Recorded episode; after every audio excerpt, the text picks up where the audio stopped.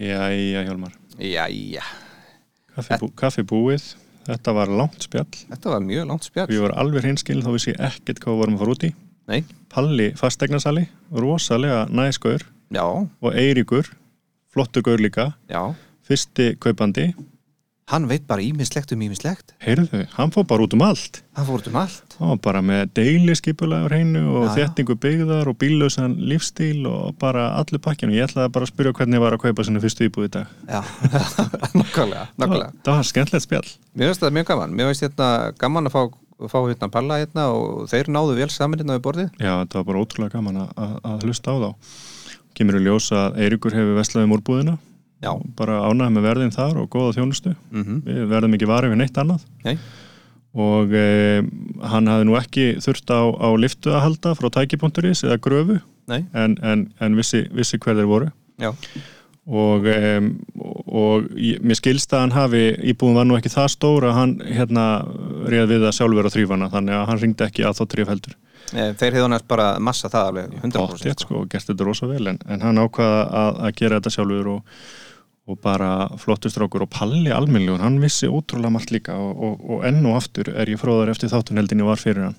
Já, já, en e, þetta er síðasti þátturinn í seríu 1 af vinnuskúrnum. Já, við erum búin að kynnast fá að kynnast alveg eh, með að slata fólki Já, rosa tímamót, mjög þess að þetta búið að vera mjög gaman. Uh, ég er búin að fræðast helling og ég er búin að fá að sinna áhuga málunu en það sem mér finnst skemmtilegast er að það kemur mér svo óvart að það virðast allir hafa áhuga á yðnaði hvort sem það eru yðnaðamenn eða fólki í framkvæmdum það finnst þetta öllum uh, aðtilsvert Já, við erum búin að fá 10.000 heimsóknir. Algjörlega. Og hérna fólk er að taka vel í þetta Mhm. og ég held að það sé ekkert annað í stöðunni en að vaða í seríu 2 Já, en fyrst smá frí eða hvað já við tökum okkur smá frí ekki? Já, aðeins að hlaða batterinn. Við erum byrjar aðeins að raða niður svona Já, bakkutjöldin svona fara að leggja drauga að þessu en ég var alveg til í að leggja staðins á solbækin áðan að við förum aftur á stað. Þetta er lúmskvinna, Þetta er þó hún sé skemmtileg Já, og þetta er mjög skemmtilegt. Já. en bara takk hjálpa fyrir fyrstu seríu af vinnuskurnum Takk sem leiðis sjáum stressir í seríu 2 Og hlustum á Palla og Og- hlustum á, Eirík, á Eirík. Gerum það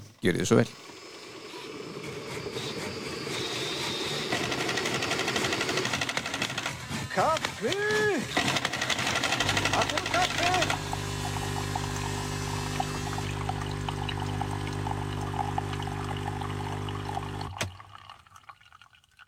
Herðu, hefur ekki bara, hefur ekki bara startað þessu? fyrir alla minni Alla koni, allir konið með kaffi Já.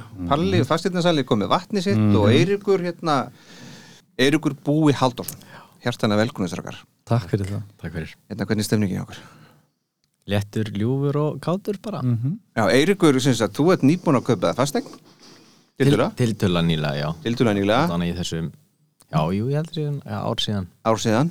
Rúmlega. Ok, og hérna Palli fastirnarsali, hann er náttúrulega búin að selja þér í þúsundutali.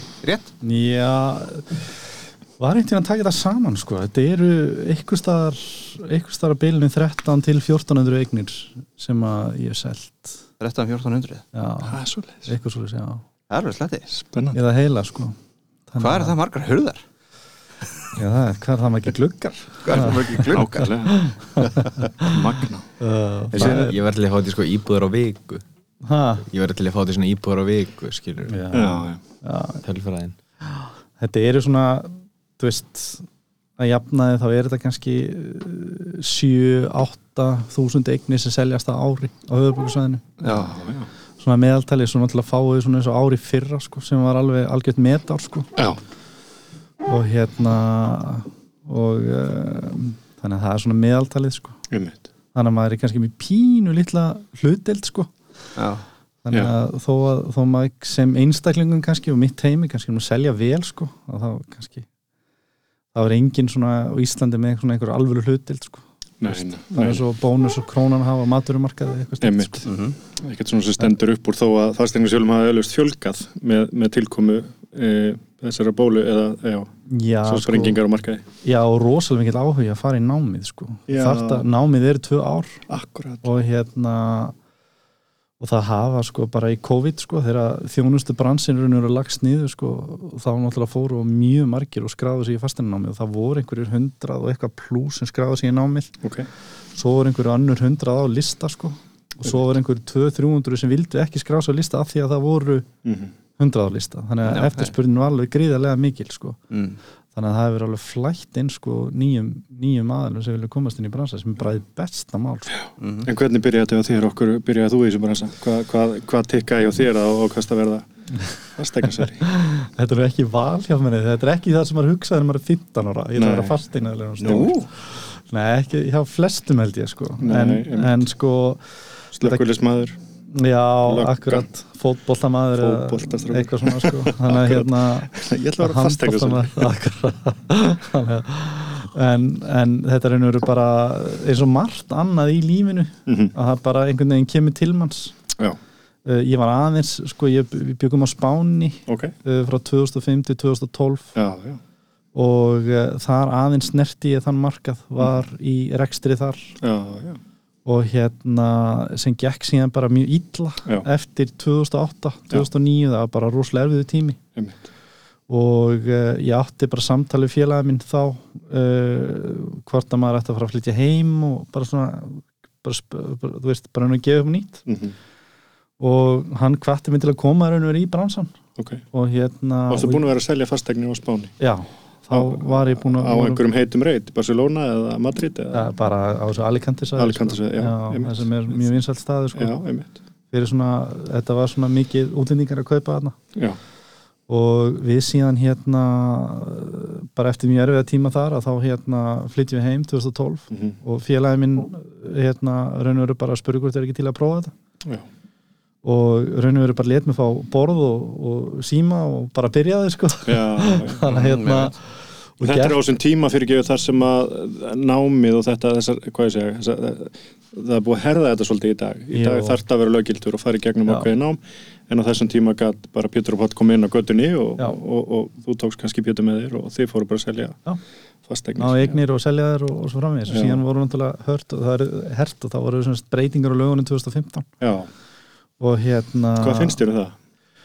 Ég, sko, Hver er þín skoðun? Er þetta ekki ágætt? Og er þetta ekki óttalega frumskoður og bara jú, svona villimanns lögmál eitthvað bara? sko ég skildi þetta ekki á þeim tíma Gáttu bara Þú allir einhvern veginn? mér fannst þetta ósengjant ég þurfti að fara eitthvað tveggjara nám og Mhm. eitthvað svona dótir, svo fór ég í námið, fór ég gegnum hann að pakka Mm og ég varð alveg svona ég varð alveg margvalt betri eftir námið heldur en áður og maður fór svona að hugsa sko, þú veist, ábyrðmanns og maður fer að vinna öðruvísi maður vinnur betur og maður vanda sig meira Mhm. þegar maður skilur ábyrðina sem fylgir því þessu starfi sko. Mhm. að, hérna, að þýleitinu til er alveg briljant að fara í þetta nám Einmitt. og þetta nám hefur, þetta snertir svo mörgum þáttum Já. bæði lögfræði og mannlegu liðina og, og, og skoðun húsa Akkurat. og svo framvegis sko. en, en Ég nefnilega hef nokkur sinnum verið í þessar stöðu að selja fastegn sem Já. viðskiptavinu fastegnasela og, og einmitt fyrir þetta nám og þá upplýði ég mér svolítið svona eins og eins og hann áttaði sig ekki aldilega á því að þeir sem voru að vinna fyrir mig að ég væri með allt mitt undir þú Einmitt. veist, bara aðlegan er í minni steipu og ég er að selja þessa steipu og Já. rennur að taka til þess og við ykkur fyrir því einmitt, og svo ef það kemur upp ágreiningur að þá fannst mér ekki alltaf staðið með mér heldur og, og ég er klárlega sá sem að fastegnasalinn var að vinna fyrir. Mm. en svo hefur þetta líka gerst að ég hef þurft að selja fastegn eftir breytingu mm, og þá fannst mér þetta miklu svona faglegra Já. og miklu meira svona regluverk og rammi utanum þetta. Akkurat. Að ef það kom eitthvað upp og þá bara strax gripið inn í einhverja verkferðla og bara málið tekla strax. Þannig að ég upplýði sem, sem neytandi Já, það Breytingu. er bara frábært að heyra sko. Þá, er, þá er klárlega bara þetta eina tilvilli, Mhm. bara það réttlætir það já, að þessar breytingar hafi farið í þessar breytingar á svona tíma. Algjörlega sko og þó að ég sjálfur hafi verið mjög mótið í þá já, en eftir að það bara, bara allan daginn sko. Veist, þannig að hérna akkurat einmitt með að, og þó að raun og veru seljandinn er að greiða fasteinarsalunum launin að þá á hann að geta hlutleysis. Já. við eigum, semst, við erum að gæta hagsmun að kaupanda og seljanda jaft akkurat. Og meiri sér ágreiningsmáli þá höfum maður allir fasteinarsalun lendi því, ég er meðal annars. Mm. lendi því sko, byttu, ég er að borgaði launin er þú ekki að passa upp á mig? Já, en þá raun og veru verðu við sem fasteinarsalun segja bara jú, ég, en ég þarf líka að passa upp á kaupandan já, ég þarf að geta hlutleysis óháð því hver greiðir launin. Já, Já, já, já. Ok, ég ég er með smá pæling, ég er nýr í þessu. Ég Endilega. ég var ekki bara mín íbúð Mm. fyrst íbúðina, þá hugsa ég mynd alltaf sami aðeins sem setur bara með borðið hana mm -hmm. og ég íhuga alveg, þetta var náttúrulega ég var ekki bara fyrst íbúð, þetta var ekki Mhm. þetta var rándir eign, en ég hugsaði um leið eins og mamma og pappi er náttúrulega með hús sem er alltaf dýr sem voru skoða, skoða, skoða að selja sínum tíma Mhm. og ég hugsaði bara, viljið þið ekki þá og ef ég var að kaupa svona dýr þá myndi ég alltaf vilja hafa minn fastegnarsala í kaupum Mhm. þú veist, þar sem að væri raun sko fastegnarsala sikkur megin, Mhm. þar sem ég með fastegnarsala til að finna íbúð að kaupa eins og ég á ættingi Erlendis í Kaliforníu þegar þau eru að kaupa, þá eru þau með fastegnarsala sinn. Já, þetta er svona eins og Er lögmaður og sækjandi. Já, en Já. eins og hérna heima þá ég, er það ekki óalgengt, eru, eru tilvík um það? Þetta er frábær spurning Mm. og þessi umræði hefur komið upp mjög reglulega. Já, þetta snýst alltaf um eitt. Þetta snýst alltaf um kostnæðin já og það er dýrt þetta, þetta er dýr þjónusta En, en, en það sem við erum að ræða hérna er að báðir aðila komi með sinn fastegnarsala að borðinu og það, þeir séu að semja er unni sín á milli. Akkurat. Eins og þá- lögmenn bara. Já, segjum svo að þú myndir ráða fasteignasala A já, og þú ert að borga um einhver söluþóknun. Mhm. svo verður hann að ráða fasteignasala B já, og hann borgar líka einhverju söluþóknun. Mhm, þá er bara hildar kostnæður við kaup og sölu voruð það hár já. Já, en, En ef ég er til í að fara í hennar kostna, er þetta þá gert? Þekkjur ykkur fordæmi?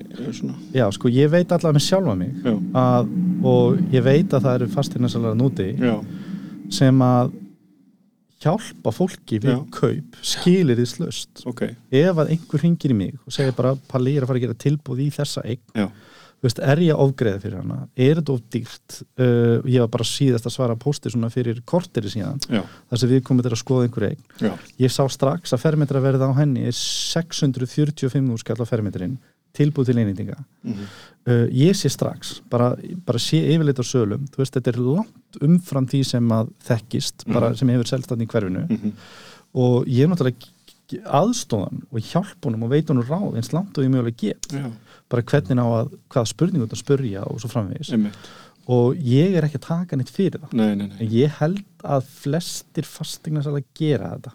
Veitar ágjöf, þeir veita ráðgjöf, þeir hjálpa til og svo Já. framvegis, en það sem er hins vegar ekki að gerast er að fastegnasalarnir til dæmis ef að þú varir að ráða fastegnasala sem að vari, þú veist ég ætla að kaupa þessi hérna á hverfiskutu, mhm, að þá bara fastegnasalinn þinn að díla við fastegnasalan seljandans, eins og er í bandaríkjunum þar eru söluþóknarnir rosalega háar Já. þar eru 3% og kvotnaðar verið sig heil 6% en eins og þegar, þegar ég hugsa um þetta sko, um leið og mér finnst ég komin yfir segjum 200 minn leiknir, ekki margar Mm. leið ég sé þetta, bara fastegnir fastegnir, vef eða hvað sem það er Mm. hugsaði bara, það hlýtur að vera lögmaður og að eða svona miklum penning mm -hmm. í heldina, þá hlýtur að ætla finnst mér að hafa vaðið vel fyrir neða þig og bara vera með fastegnarsala að kaupa fyrir þig ég, það sem ég myndi ég ætti en svona 200 mikla miljónur peninga. fyrir einhvern er kannski minni heldur en 50 miljónur fyrir mig eða þig Já, já. þannig að þetta er alltaf rísastór viðskipti. Alveg sama, veist, þannig að hérna. Þetta er samt mjög góð pæling, þetta er mjög góð pæling og þessu umræði hefur oft farið fram. Ok. og ég veit til dæmis að það er land í Suður Európu það sem heitir lögbundið já, að það sem er bara kaupandi og seljanda fasteinsali og, og er til dæmis á Spáni að þá var örgulega 80-90% af öllum viðskiptum sem átti þessi stað þar sem ég kom að þar var annan fasteinsali fyrir hönd kaupanda. Já, meðan ég var seljandi, ég var kannski með kaupanda og ykkur sem var seljandin fasteinsali seljanda. Akkurat, og síðan var bara þóknunni skipt. Ég skil. Er þetta eitthvað svipað eh, á Norðurlöndunum eins og í Danmörku eða Svíð eitthvað svona eins og, eins og í bandrækjanum? Nei, það er bara, það er bara svipað og hér. Já, bara svipað. og veru fasteinsköpulögin hérna fyrirmyndin eru norskulögin Já, já. þannig að hérna og þau eru mjög, þú veist ef mann horfir líka, sko, það eru rosalega fá mál miða við til dæmis í löndin í kringum okkur sem fara til dæmis fyrir domstóla Já. þau eru farri, hlutastlega farri hér heima heldur en til dæmis á öðru löndum með Skandinavi Mm. þannig að það er eitthvað sem við erum að gera rétt mm. og þú veist og þetta er líka spurning um komfort en fastegna sali við eigum að gæta hagsmun að kaupanda jaft á við seljendan og við eigum ekki að gefa afslátt af þeim vinnubröðum nei, nei, veist, og við eigum að ráleggja kaupandunum hvernig að steyla upp tilbúð og svo framvegis. Og ég hef áður sagt í öðru podcasti að, Mhm. að, að sko hagsmun að gæstla fastegnasalans fyrir hönd kaupandans hún byrjar bara við fyrstu skoðun. Einmitt. Þá ferð að spyrja, þú veist, hefur er einhver saga með þakið, er einhver múr, gluggar hvernig staðan á lögnum, einmitt, þú veist, hvernig eru nágrannir, þú veist, þá fáum við allar þessar upplýsingar og við erum að spurja þessar spurningar fyrir kaupanda Mm. og þannig að, þannig að hann kom Já, alveg að og þú, þú vilt líka geta svarað sko, þú ert með opið hús og það koma 50 manns að skoða og, og það er allir að spurja þessu sama og þú vilt geta svara fólkinu. 100% þess vegna þarf að vera með þessar upplýsingar. Akkurat. Svo er ég hinum með borðið sko verktakinn sem er beðin um að koma og taka húsið út Einmitt. og aðtöfa með sprungur og glugga og þök og, og hurðir.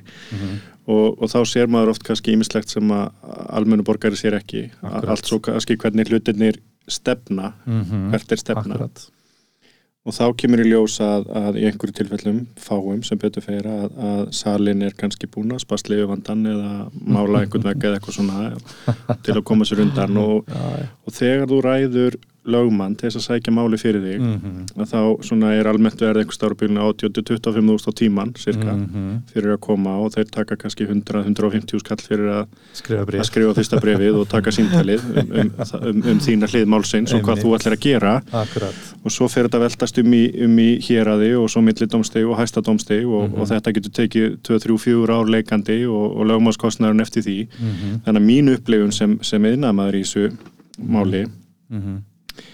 Er að hvort sem að hérna, seljandi telur á sér brotið e, eða að kaupandi telur á sér brotið að þá er alltaf báðir að tapa. Algjörlega. ég upplifa þannig.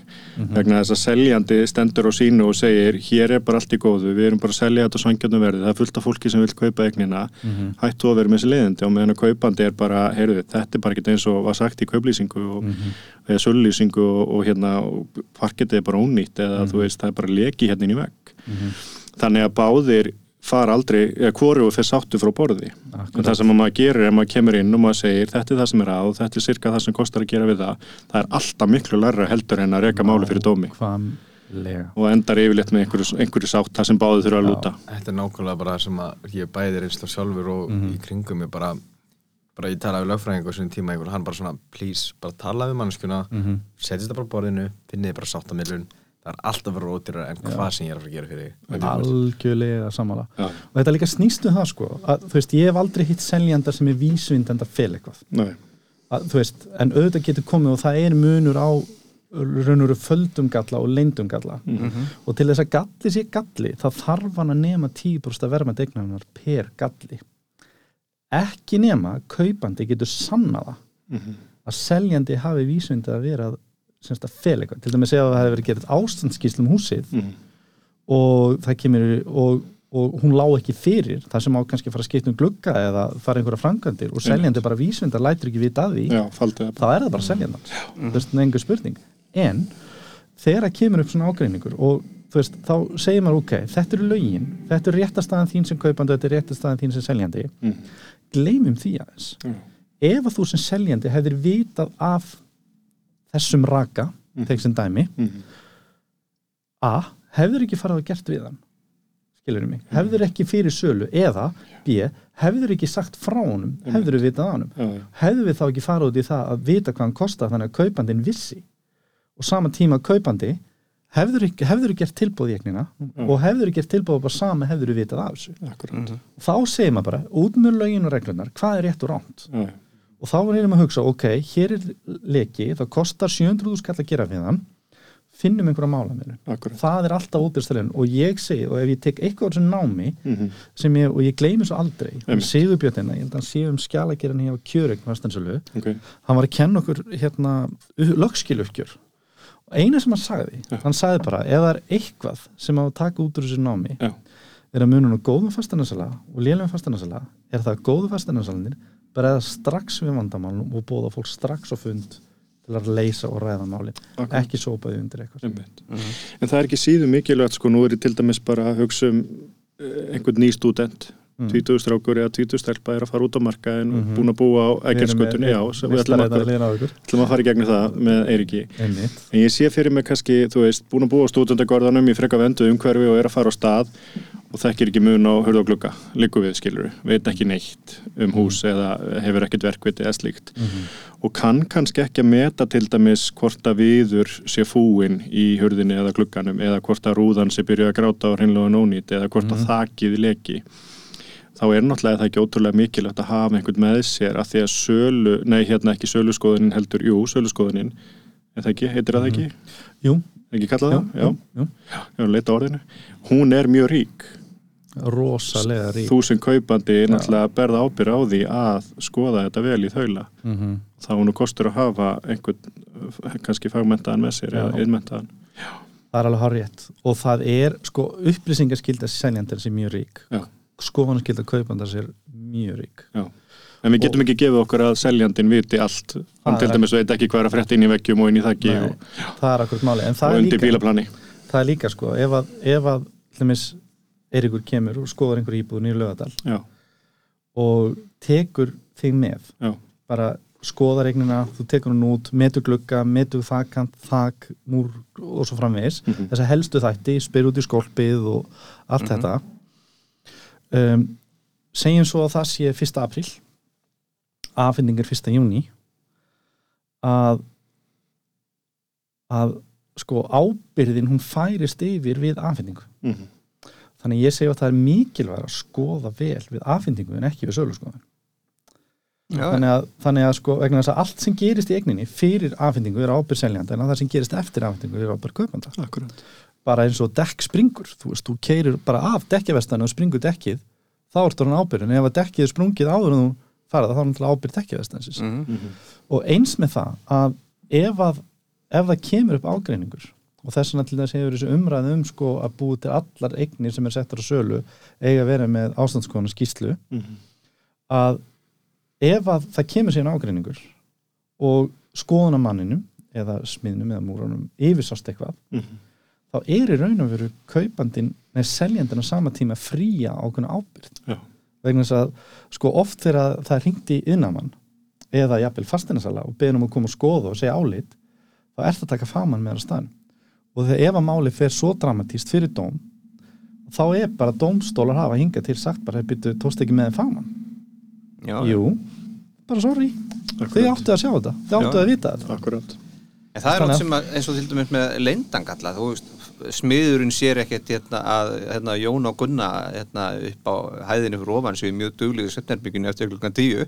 Mm, svona nei, leyndurgalli eða hvort það sé hundur í húsinu og það er svona, er það ekki svolítið, hvernig er það? eða miklundi parketi sem er parketti? óalgengt. Þú ert að gefa skínhjálmar, ástfangni, nágrannar, síu lindugalli Já, getur verið, þund á milli veggja. það kom dómur í fyrra sko. Nákvæmna erjur og það var bara dæmdur sem galli sko. Já, er það, það var ekki tilkynnt sagt, kaupandar var ekki sagt frá því. Ok, Já, hann bara fór í mál og, bara, og vann máli þú, bara- getur, þú getur alveg nefnt í að kaupa það sem er leiðilegu nákvæmni og það er kannski bara þekkt saga uh, sko, í því, því, þeim tilfellum sko. Mhm. Þá Það er hann lindugalli og, og seljanda láðist að nefna það að það væri næstu íbúð Já, láðast að segja það að Jón og, Já, það. Jón og Gunna það sé mjög dugleg já, þú ert að já, já. en hérna talandum Hjalli var að byggja um einhverja sögur sko, en það er til, það er til eitt nákvæmlega svona mál sko. Ok, hvað til það? það var hérna húsinninni í miðbænum Ok, það var sem sagt eldgamalt hús Mhm. á tveimur hæðum íbúðaður hæðin og íbúðaður hæðin Já. og sem sagt lektur á gólfunum bara Já, já, Já. skilur. þannig að og nýjir kaupmyndu spyrja byrju, er eitthvað hljóðbart að milli? Konan náttúrulega segir bara nei, heyri aldrei í þeim. Og hérna og þau bara já, flott, flytja inn. Þú veist, þú heyrir fólki á efrið hann í anda. Það heyrist allt á milli. Og konan sagði bara, heyri ekki neitt sko. Já, já. þá var þetta kona nýræðisaldri sem var náttúrulega búin að missa heyr þannig að hún heyrði aldrei neitt skilur, já, þú veist. já. Hún lög engu, þeir heyrðu allt sko. Lög engu. Það, hún lög engu, þetta er bara hennar upplifun sko. já, já, já, Já, en, en hérna, mér skilst að hafi náðst einhverju satt, sættir þar sko. já. en að hérna Það spennandi getur verið svona líka.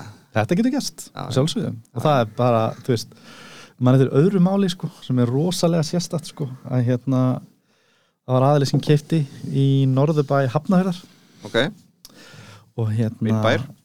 Þinn bær. Já, og hann sérst að flutur inn. Svo er einhvern veginn að bjóð náttúrulega þannig í sama hverfi. Ok. var fór einhvern veginn í völdklass hann hafna verið að fer reyja með eitthvað og hitti á hann. Og ég spurði hann, já, hvernig, hvernig er nýja húsinu með þess? Hann sagði bara glata, ég hef ekki sofið í þrjá mánuði bara það eru þrín mán og ég bara, ha, þú veist hvað, af hverju Ok. ekki? Já, það er eitthvað hljóð í lögnunum. Nú. bara eitthvað bánk og bara sko eldalust bánk já, ok. Og ekki ringt í indriða Ha, og, og hérna og ég bara, byrju, og hvað og hvað? Já, bara, ég bara hefur þurft að sofa frá stofu og hann einmitt spyr mig, hvað er þetta að gera svona máli? Já, og þess að, já, bara, þetta er mjög líklega eitthvað lagnatengt já, það er náttúrulega lagnagrindin er einmitt bara, er í hinn megin við veggin í söfnarbygginu já, Ok. já, og hérna, og hérna og ég sagði náttúrulega bara, já, þú bara byrjaði að spurja hann náttúrulega seljandi hvort hann kannast við þetta já, já. og hérna, svo hitti hann einhvern mánuðu setna og þá var eitthvað búið að leysa þetta og þá var tekin einhver ákvörðun sem lagaði síðan vandamál á endanum, sko já. já, já. Bara samtali já, þannig La- að hérna Lagnabank kemur yfirleitt til að því svo ég fræði ykkur já, að rörið er löst inn í vegnum og þegar það kemur þrýstingur á það þá lemst það utan í veggin það er mjög algengt, bara slæst já, já, já, og bankar veggin áhugavert. Það er mjög algengt, en ég hef einmitt farið í nokkra svona skoðanir og Mm. þetta er oft mjög spennandi. Og það sem er einkennandi við þetta er að þetta eru mjög þrúandi aðstæður. Mm. maður kemur hérna, þetta er oft með vinum eða fjölskyldumæðlum og svona, ég er nú ekki að gera út á þetta. Mm eh, og maður kemur inn í þessar aðstæður og þetta er einhver íbúð á fjórðahæði í, í blokk og sem dæmi og þannig er fastegnasæli og þannig eru seljendur og jafnvel börnin þeirra á svona mjög svona þrúandi aðstæður og svo kemur kaupandinn með einhvern yðnaðamann með sér sem á að fara að stinga hnífi og glugga og banki veggi. Mjög svona skríti hlutverk að vera þessi gæi. Akkurat. Nema maður hefur orðið varu ímislegt og, og, og ég til dæmis er lent í því að skoða fastegn að vetri til. Mm. og við sáum ekki garðinn Mm. bara fyrir snjó. Þannig að við gátum ekkert metið það hvernig lóðin var. Mhm. Og svo náttúrulega þegar snjóa tók að leysa þá var þetta bara forljótt gras og mikill mosi og ekkert eins og, eins og kaupendur vildu. Mhm. og þá náttúrulega bara búið að flytja egnin yfir og þau og ekkert við því að gera. Þú veist að þau eru búin að kaupa og, og ganga frá. Mhm. þannig að það var kannski fyrsti punktur að þú veist, þú vilt sjá hildina þannig að kannski ekki endilega skrifundu kauptilbóðið í fullandi snjóstorm. En það er ekkert kafi. ég veit ekki hvort að þú hefur gert það Eiríkur, en það, það, fólk er rosalega, það er hægt að sitja inn sko fyrirvar um ástand sko Já, og fá aðalega á staðin til þess að sérstaklega sko við vitum það að ákveðin efni, þú veist eins og lagnir og skólp og þak og gluggar það er gefið bara út ákveðin líftími og hverju, hverju efni. Já, já. og þess vegna til dæmis meðan annars laði ég til í lögunum 2015 að allar eignir ættur sér einhverju viðhaldsögu já, þú er kannski að kaupa einhverju eign í lögadal sem dæmi. Mhm. Og hérna byggð 49 þú veist ekkert hvað er gert 72, 82, 92, 2002 eða 2022 Nei, nei, en það er rosa gott að vita. Þú veist, bara, þú veist, var skiptum skólp fyrir 14 ára síðan? Og þá þurfum við ekki að ávækja því næstu einmitt. 60 ár eða hva, hver lítími sem Akkurat, Sko í mínu tilviki þá náttúrulega ég er heppin að því leitir þetta sýsti mín hún er búin að lendi í öllum fjandanum. Ok. Þannig að mamma og pappi og, og við öllum með fjölskyldum Það er komið reynsla. vaðið vel fyrir neðan okkur þannig að ég kaupir sem sagt, ég kaupir handónýtt íbúð Ok. bara eins ónýtt það var ekkert sem ég er ekki búin að skipta ég dreg nýtt ramagn, nýtt park núna skorpaði tekið núna daginn. Ok. Það er opnan og úr, það bara, ég held ég get ekki nefnt hlut sem ég er ekki búin að skipta um. Mhm. En, en þegar þú ert að leita þær íbúð og finnur þessa, þá vantarlega er það sagt að hún sé Já, ég, ég bara sá hana ræðilega og ég bara, þetta er frábært. Já. það er enginn að skoða hana, það er enginn ekki að tilbúin búin inn í tvær vekur og mamma, ég er líka hepp með það að mamma minn er arkitekt. Ok, og hún bara, hvað ég sé tækifæri mm. fyrir að bróta þess og þessa veggi og þetta og þetta og ég einhvern veginn svona, ok. Ekki ekki að gera þetta. En það sem að við samt, samt þráttur að vera með handónum tilbúið og leggja tilbúið vel fyrir neðan hérna mm. ásett verð og allt það fyrir neðan markásvel með sem minni mig Mhm. þá er mamma mín bara, hún, hún fyrir fyrst með mér og skoðar hún er ekki, úr, fagmaður en hún öll triksin, hún er með þau. Ekki Við tökum það og síðan setjum við fyrir, er tilbúið með fyrirvara. Síðan fáum við sko tvær áherskoðanir bara hverju tveir innamenn í fjölskyldinu mann hérna hverja voru sem Nei. komum á hvernig tíma og alltaf bara hérna fastegnarsælinn með okkur. Ok, og við tökum þessar tvær skoðanir en þrátt fyrir það síðan erum við með svona, við erum smá efins á opnana en já, við erum búin, ég er búin að kaupa og þá kemur ljós að við ætlum að taka opnana af endur tekið á eitthvað, pússa og mála kemur ljós að handónýtir voru þetta svona pottofna gamlir? Já, Ok. gamlir svona hérna þeir voru svo þungir, ég Akkurat. eins og hérna okkar manni. Og við segjum bara, pappi og ég eitthvað svona erum að díla við þess að píparinn okkar sem er þá skiptum opnuna og er alveg þú veist, þetta mikill peningur. Og við eitthvað svona, við heyr- heyrum bara í farstingarsalunum bara, heyrðu, við viljum lækka um þetta mikið. Þú veist, opnir voru verri en við áalluðum hann bara, já, ekkert mál. Bara komið, Já, ok. bara sá, sá, sá kostnaði niður. Bara, það var náttúrulega, þetta var svona dóttir að selja fyrir móður sína sem var komin á hérna heimili já, já. þannig að hún vildi pínu bara losna að vera inn í tvær vikur Ok. í búðin hann að já, það var einhvern veginn, en þá vorum við bara búin að vera að þér að skoðanir hægri vinstri og síðan ára eftir, já, hann- ára hálfsinni kipta núna síðan fyrir hálfu ári þá, þá byrjuðum við að lendi í sko, skorpvesinni og Mhm. allt þannig, en síðan man ég líka sko að þegar vorum að kaupa, ég var líka heppi með það, vinu minn býr tveim hæðin fyrir ofan mig, Mm. sem sagt búin að ke kefti tveim árum áður þannig ég fór bara í hann og bara, heyrðu, hvað er búið að gera og hvað er eftir að gera? Mm. hann var bara, myndi allt lista. Bara allt. Spennandi. Við vorum nefnilega með pípari hérna um daginn og hérna við vorum með hérna flottan kall sem heitir Gunnar Sigurjónsson og kenni pípulagni við tekniskólan Mm. og svo vorum við með Böða Markan. Mhm. pípara til 40 ára B. Mm. flottu kall líka og hann var einmitt sko, hann var að mæra hérna Böðvar, hann, hann Gunnar fyrir það að þegar hann kemur inn í verk og er að taka svona í gegn, hann er í öllu, bæði í neslu vatni og skólpi og öllu og er með gröfu og eitthvað að þá býr hann til svona handbók húsins Mm. sem hann skilur eftir og þá Ok. er það bara dagsett og útlista hvað var gert og hvernig staðan var og hvað var endur nýjað Mhm. og svo merkir hann upp lagnir og það er einmitt mjög ábótavant oft í svona fjölbýlisúsum Mm. að ef að það kemur eitthvað upp einhver er að hengja upp mynd eða hillu eða eitthvað og borar í rör og það bara stendur bunan í hægra auga á honum Mhm. þá veit hann í rauninni ekkert hvaða krana á að skrúa fyrir þegar hann hleypur í samvegn og, og finnur grindina. Mhm. og hérna, og mér fannst þetta svolítið skemmtilega maður Já. eftir þessu, já, Hjálmar? já, já, já. það var skemmtileg umræða. Já, algjörlega sko. Algjörlega sko. En er eins og til dæmis með þetta, svona handbók heimilisins, svona viðhaldssaga, er, náttúrulega hefur sér margar, svona, selt margar eignir, er fólk duglegt að halda utanum þetta, hvað það gerði? rosalega misjöft þetta er náttúrulega algjörlega til fyrirmyndar. Og ég hérna hef hvart oft kaupendur þeir eru að kaupa sérstaklega í fjölbíli að hérna fá afrita af fundagerðum. Þess að það eru oft þessu umræði sem endilega kom ekki fram í Já, já, fundagerður úr semst aðalfundi. Akkurat. Og það er ofta einu heimildirnar um umræður um ef eitthvað hefur komið upp á. Já. En, en auðvitað ættu allir öll húsjölu, öll stjó, allar stjórnir að halda mjög góðan gagnagrun sem er bara kemur, fylgir bara með húsinu til næstu hundruður ára einmitt. skiljiði. Þannig að sko það myndast alltaf einhver svona viðhalsaga sko. Já, þetta er mjög snið Er, er, er þetta til eitthvað svona format sem að, veistu til þess að til eitthvað svona format sem að almennt húsfélag geta leitað í og sett inn gögn? Það er uh, ekki Excel Já, bara svona það Excel. er, það, er, það er ekki Já, já. neitt það er ekki til eitthvað fyrirbæri sem þú getur haldið utan um þetta sko. Nei, nei, nei. En ég ætla að hrósa þér Eiríkur, þú veist, þú, þú, ég er alltaf að, ég, ég hef oft verið spurt, spurður út í þetta, yfir 30% af þeim sem eru að kaupa fastegn í dag eru fyrstu kaupendur Ok, og hérna, og mjög sjaldan sem fyrstu kaupandi lengur en þrjú ár í, eignin, í fyrstu eignin sinni. já, já, Og ég segi eina það sem þú ert að horfa á er ekki einhver rosalega fallur ebalstóll eða veist, einhverja state of the art, einhverju munir og eitthvað svona skilur, þú veist, inn í eigninni. Akkurat. Að það er akkurat, þú veist, þú er greinlega farið að séð íbúð, þar sem samningsstaðan þín sem tilbúðskjafa var mun sterkari af því að það eru svo margir búin útlöka þetta. Og í staðan fyrir að þú hefur hugsað með þér ok, hérna er bara tækifæri, þetta geti búið með til pening á næstu þreymur árum og hérna, og oft sem bara mál, mála og, og ný gólfefni gera kraftaverk sko. Já, já. og það þarf ekki að flækja þetta með innréttingar. Það eru til leiðin eins og sprauta skiptum höldur filma skiptum Já, höldur. Þú veist Já. það er alls konar svona. Og hérna og hérna og vera duglegur að borga niður lánið. Þetta er sko, þetta er náttúrulega þegar ég var að kaupa, þetta var sumarið 2020 sumarið 2020, já.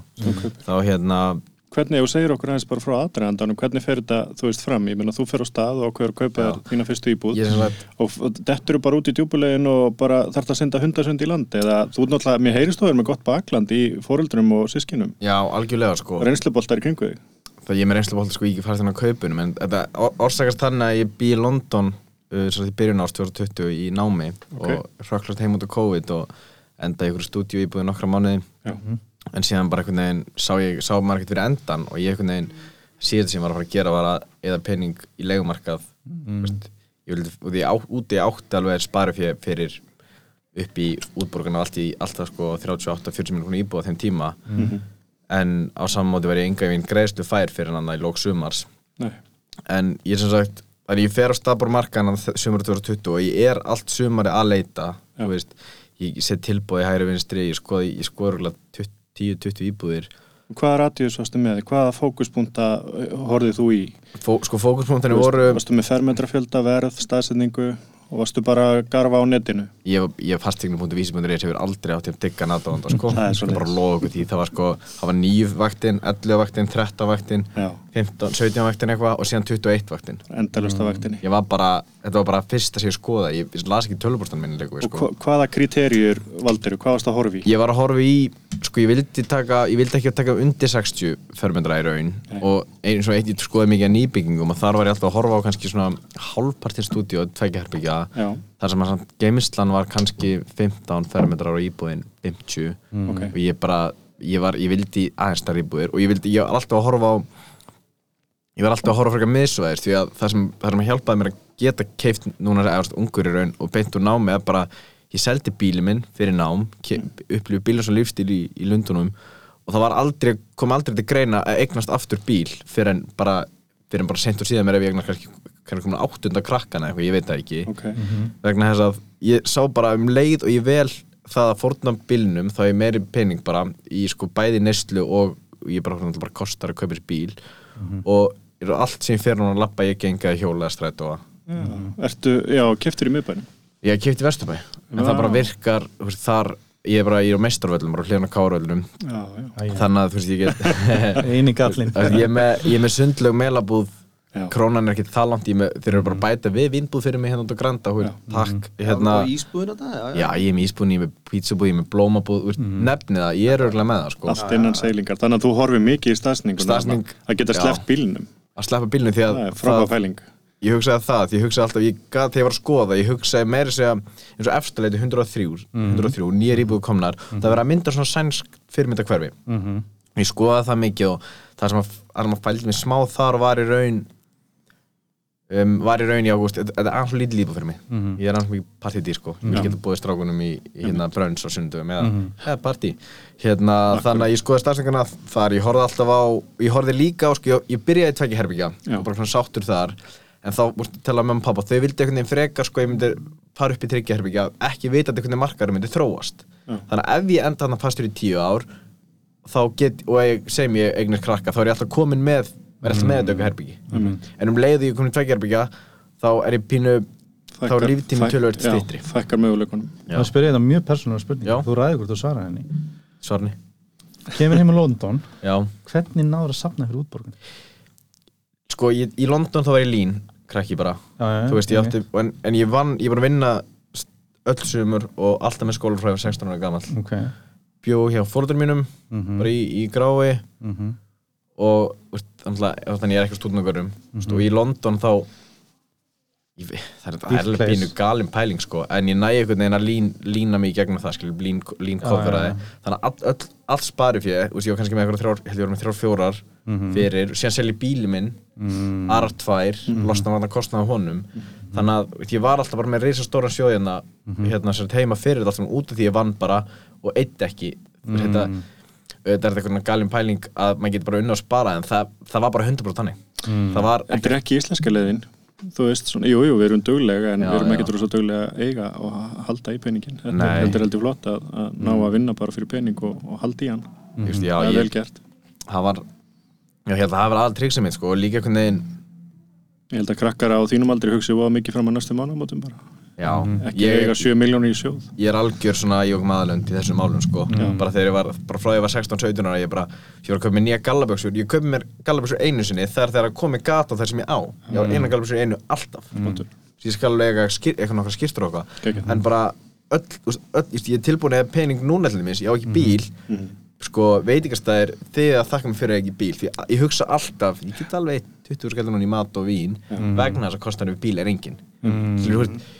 Sparnaður við það ég, og því, ef ég hu- hu- hugsa sé sem eðslunum mína fyrir og eftir bílaeg það er bara allt annað, ég var, það var alltaf að hverfa 20 skall í bensín, það var alltaf að hverfa þetta í tryggingar það var alltaf að hverfa þetta í dekkarskipti eða hvað sem það var, núna er þetta alltaf að hverfa bara inn á búst, bara og veitingastæði Já. bæjarni sko og fara í lífsgæði. Já, bara að njóta sko. Já, en síðan, úst, þannig að þú talsmaður þéttingu byggðar og borgarlínu og talaði við mig sko. Ég bara ég var skítrættu við já, ég ætla ekki að sérstaklega Já, skítrættu vel gert þú. já, ég úti ég hugsaði líka eins og veist, þegar ég var að skoða ég gat alveg fara upp í gráa sem ég búið í 23 ár Mm. en ég veit, ég geti aldrei ok, ég gæti það, það verður hróttalega erfitt að fara aftur í sagt, og búa hana þessi dreif, meiri dreifur byggð og hérna þurfa ég myndi, ekki, ég myndi alltaf reyna að forast bílinn en og þetta er ég hef getið farið í starri íbúð nýleri og mögulega hérna með svipuðu verði en ég hugsa að kostnaðin er samt á móti ferðarkostnaður, bæði tími og eðsla næstu fimm ári jafnast út svona 100% nákvæmlega En ef við- bökkum aðeins aftur að íbúða kaupunum, þú, þú hérna greinilega ert með svona, það sem skiptir því máli er staðsendingin. Mhm. Þú endar hann í Vesturbænum, út að spá í svona 60 til 80 fermetrar og verðbil 38-40 eitthvað. Já. Þannig að þú Já. ert með ákveðna kriterju sem þú hakar í, algjörlega. Ballaus, konu eða hvað. nei, ekki eins og er, Nei, allt í vinslu já. En þú ert svona að hugsa þetta þá bara út frá sjálfu þér. Og, hérna, og, og hafa þá auka herbyggi ef að, ef að ef eitthvað gerist. ef að konan byrtist og krakkin með, skilur þá er sér herbyggi fyrir hanna og Mhm. annað fyrir barnið. Já, nákvæmlega. Og ég var á sofanum ekki? Og þú á sófanum. Og, hérna, og þetta er nú, þetta er alveg flott Excel-skjál, ég meina að þú hefur lagt á stað í leiðangur og vita hvað þú vildir. Já, og, og klálega sko. hvernig gekk að finna það? Tók alveg, sko, eins og ég veit ekki hvernig bransin er, sko, í sveiflum. Því ég sko byrjaði í byrjun sumars eða sko reynda aðeins fyrir sumari og vorið og gengur ekki droslega vel. Nei. og síðan yfir sumari þá hægist á þessu tölverð fannst, fannst mér. Mm. undir lok, og undir lók sumars þegar ég kaupi undir lók sumar, ég kaupi í ágúst þannig að júli ágúst og þá er einhvern veginn veist, það var mikið af, það var aðeins að fastum að koma inn. Ég man ég skoðaði litla íbúð á hérna Rekagranda, frekar en Bóðagranda Já. sem voru 50 fermetrar ágætlega uppgerð. Bara, og ég- uppgerð, veist, um leið og búin að gera baðarbyggju eldur þá lítur þetta stórkastlút eða bara líkuðu mála vegg sko, en ég, svo, ég mætti og ég held að hafi 30-40 aðri kaupundu verið. Já, já. og ég var bara, heyrðu, ég labbaði henni inn fín íbúð, samt, undirsækti fermetrum ekki tryggja herbyggja Mhm. ég held að hún hafa farið á meir en mín mín er 80 fermetrar, tryggja herbyggja og já, já, auðvitað eitt ég góðum 2 miljónum fyrstu sko tvo mánuðina í framkvæmdir. En inn í því voru sko framkvæmdir að skera útvegg og láta stál styrkingu til að halda uppi blokkinni, þú veist sem að kostaði, held ég að enda 1,2 Já. þú veist, og auðvitað, ég veist, ég, já, ég, ég, ég, á, ég hugsaði þetta bara ég hugsaði þetta einhvern veginn og því ég þessi íbúð var búin inn í tvær vikur. Ok.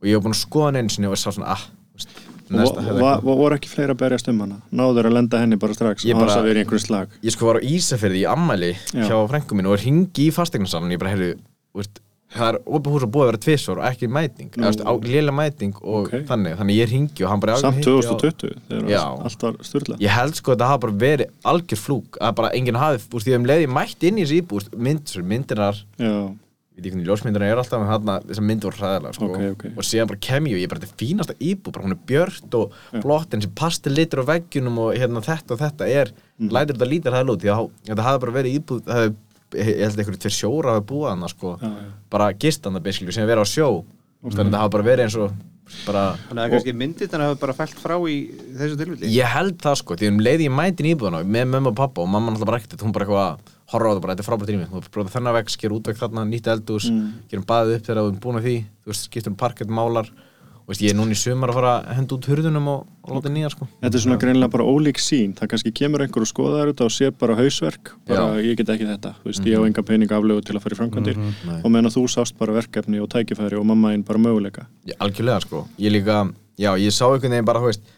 ég og því, og því sko, sýsti mín sagði ógustlega góða setning við mig þegar ég var að skoða í efstaleiti Mhm. og sýsti mín sagði að búið í Vesturbæ núna Vesturbæ, miðborg, Seldin þess að sem tíð líka við Ok. og ég er mjög svona efins á þessu eftirleitis hérna íbúð, hún er, fermyndaröður náttúrulega var skyrocket að þarna, sko, sérstaklega tók gemslun út, þá er ég bara, hvað er ég að gera Þetta þetta er rúfreiturinn já, þetta er Já, rúmreitur passar. Ok. frábæra reytur annars, sko, mm -hmm. öllu verið leiti en hérna, og hún segir við mig íbúðin sjálf er bara kassi. Þetta er bara kassi það sem hún sefur inni og sem hún horfir, þú getur alltaf breytt öllu þar innan, þannig að þú getur ekki breytt er umhverfið í kringum þig. Og ég hugsaði bara, um góð pæling og hún sagði, hún sagði, ef þú horfir á þarna glæni það er, þú veist þetta er, þetta er raun bara kassin um leið, og um leið og þú kaupir, segjum að kaupir gamla þetta er bara svona kaupir gamla kassi í Vesturbæ gerir allt við það sem þú getur ímyndað þér sérstaklega með, sorry, með mummin sem arkitekt sem ég bara ég, ég ætla ekki að segja hún hafi stjórnað miklu en ég bara go wild, skilur, bara hvað, hvað, þú veist, hvað getur við gert hérna?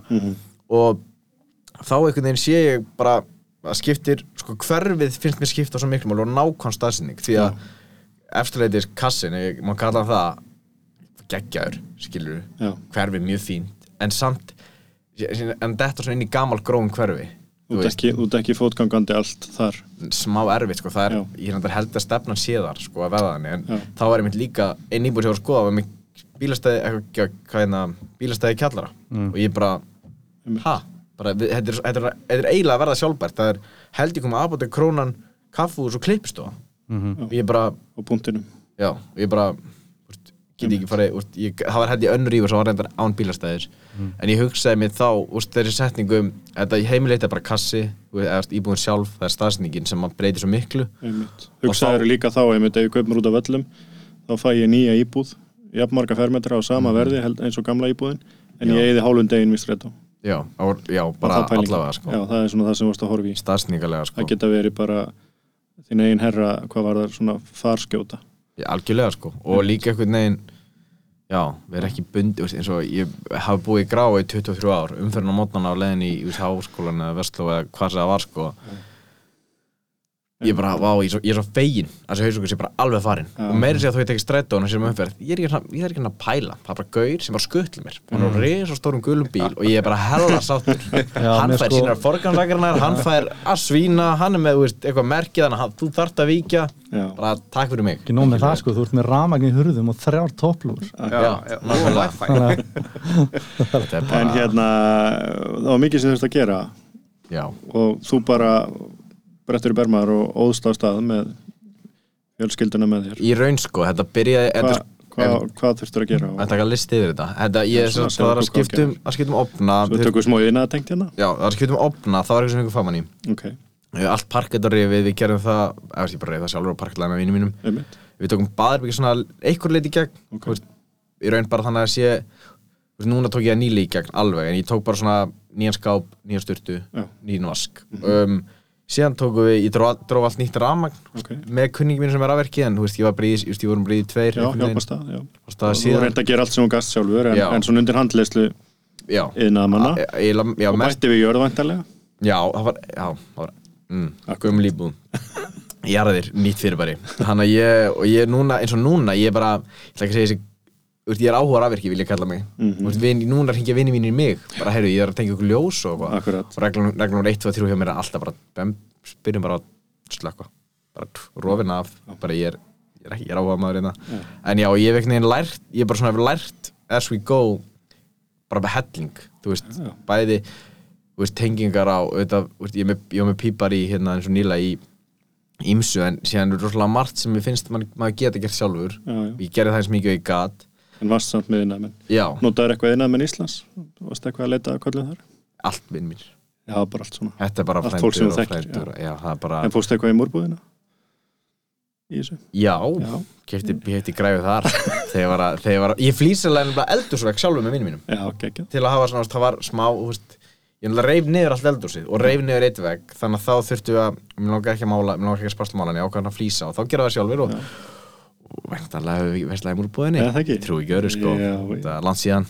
Góð verð og frábæð þjónusta. Já, en hérna, en hvað í millitíðinni þegar þú ert að brasa í öllum þessu rýmum eitthvað að þá fer klóakið?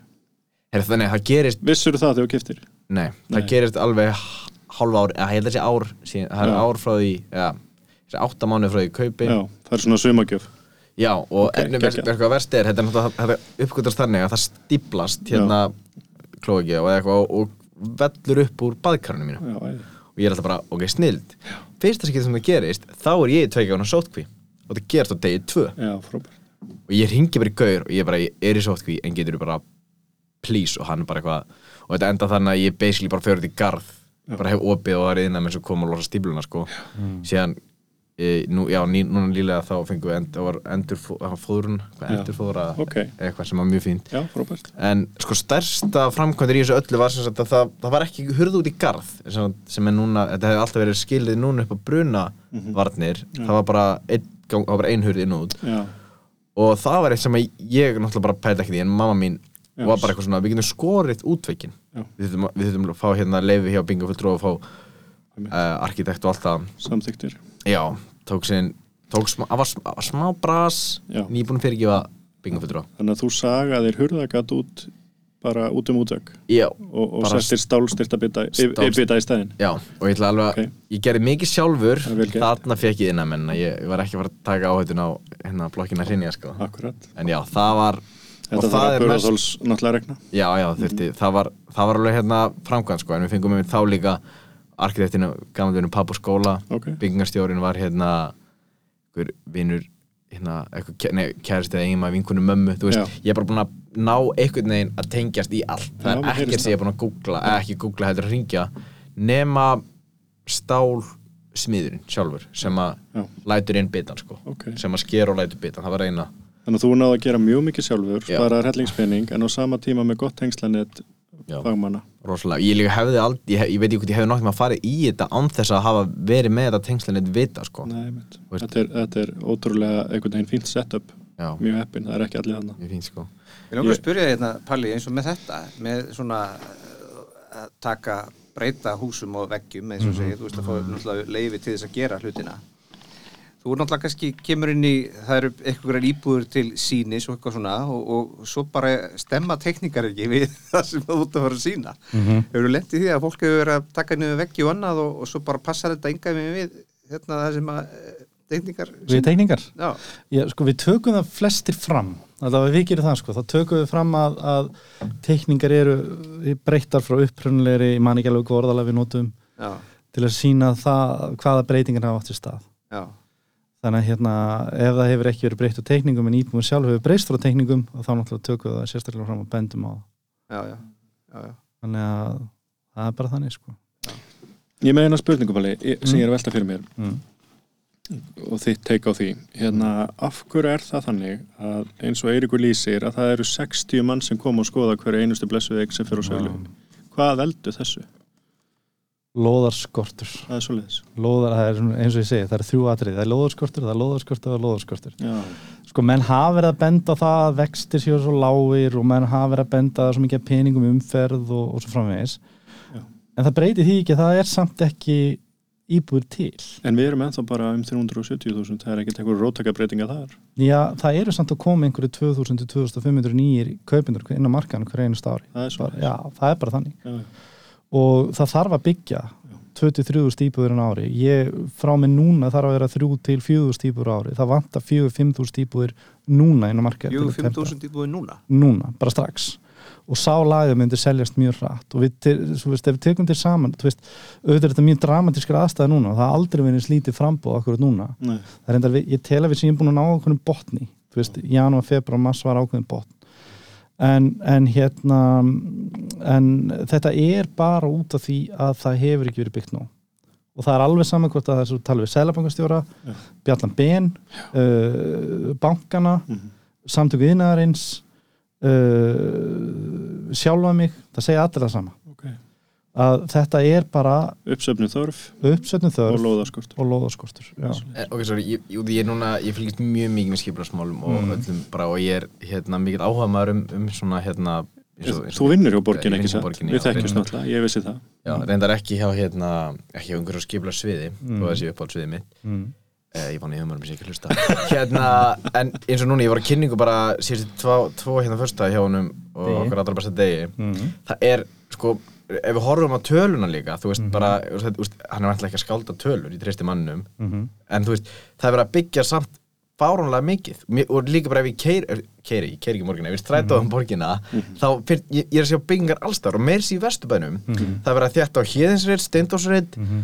Káer er að fara að fá sína íbúðir. Við erum líka að horfa á hérna ég bara ég, 102, valsreitur Já, við erum að horfa valðin rísa bara eins og hérna einhver skíaborgir Mhm. við erum að horfa hérna, mér finnst við ver, vera að byggja samt allstar skilur við, en er þetta bara svona, veist, búin svona lengi upp safnað, af því að þú veist síðustu hvað, þrjú, fjögur ár eða, er ekki eitthvað þannig, sem er bara búið að vera eitthvað mesta byggingaskeið Ég held að það sem Pallegi við á hans ég ætla að leggja hann morði munni Já. er að það sem þú taldur upp eru kannski 500 íbúður, hann er að tala um að það eru 2000 íbúður já, en ég, já, ég veit einu síðan það og það er fyrir utan uppsafnað þörf Já, og það er bara, sko, eins og þessi kynningi á degi af því að ég hérna, hef nú reglulega verið samband við dag og dag og, og ég er búin að grenja í öllum þessum sveitastjórum og búin að benda á þetta ár eftir ár eftir ár, alveg frá árið 2014-15 að þetta muni gerast. Dagurum á það eiga það, eiga það hann svarar mér alltaf, bæða Facebook og e-mailum. Hann kemur með rauk og svo framvegis eina sem ég get sett út á þessar kynningar er það að þetta er að vera að benda sumu reytin og ég sá 2016, 17, 18 kynningunni Já. en það er ekki, þú veist, skerjafjörðinin og svo er það viðstofurhæðin og þú veist, það er að benda þessu sumu reyti en einhverju vegna er ekki gefið út leifi til þess að fara að byggja þetta Nei. og ég hef enga skýringu á því og það er enginn sem sko veist, en það sem, það sem þarf veist, það er, það, er, það er alltaf hægt að horfa á í því sem er búður að gerast en það sem þarf að nú til bara að gera er það að yðnaðurinn, hvað segja hans í byggingariðnaður eða, eða fjármagnunarbransin eða hvað sem er, að það þarf að vera til langtíma plan, það þarf að vera til 10, 12, 15 ára. Mhm. Þú veist, við þurfum að vita bara sem almenningur 2028, þá verða byggðar 2800 íbúður á höfuruksæðinu þetta eru reytirnir sem eirna mertir í það. Hérna verður skóli og hérna verður leikskóli og hérna er infrastruktúrin fyrir það og svo framvegis. Það þarf að vera áallin til lengri tíma um hvað hvar verður byggt og hvað mikið.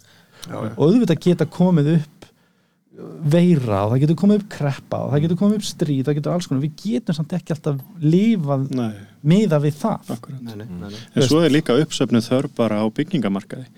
Mm. Þú veist, við höfum verið að ræða hérna við innæðamenn úr öllum stjættum og það er bara innróma álit að þú veist, það er bara búið að vanta innæðamenn í mörg ár. Ja, og það, og það er bara löngbið í bestafalli mánuði, vestafalli ár Einmitt. Og ég til dæmis starfa sem millistjórnandi hjá Ístak og, Mm. og, það er fyrirtæki sem veit hvað það er að fara að gera í fimm ár. Það er fimm ára byggingaplan Mhm, fimm ár. Mhm.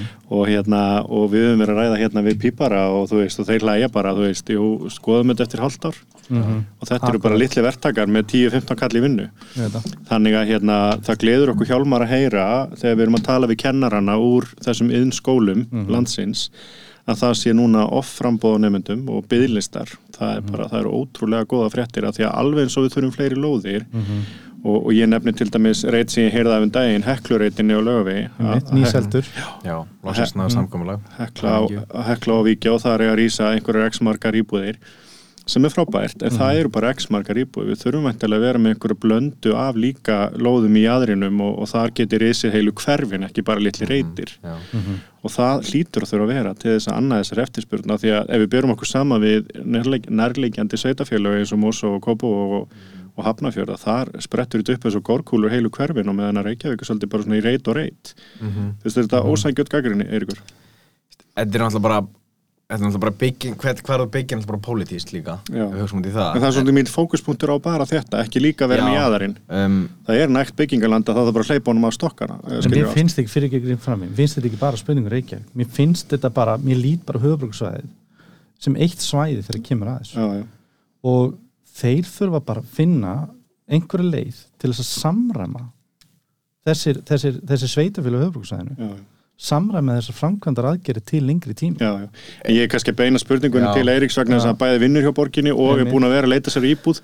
Þannig að þú veist að því að, að því við erum með ólíkar skipulagstildir á milli sveitafélaga. mm það er Eitt í þessu bara út af því að náttúrulega eins og segir Dagur, hann, hann svaraði, hann er hérna allavega það hann, það- hann er bara það góður respekt sko. og það sko, algjörlega með Hann náttúrulega, ég veit að stuði kostningur og allt það en og það var með þessa kynningundaginn það. Mhm.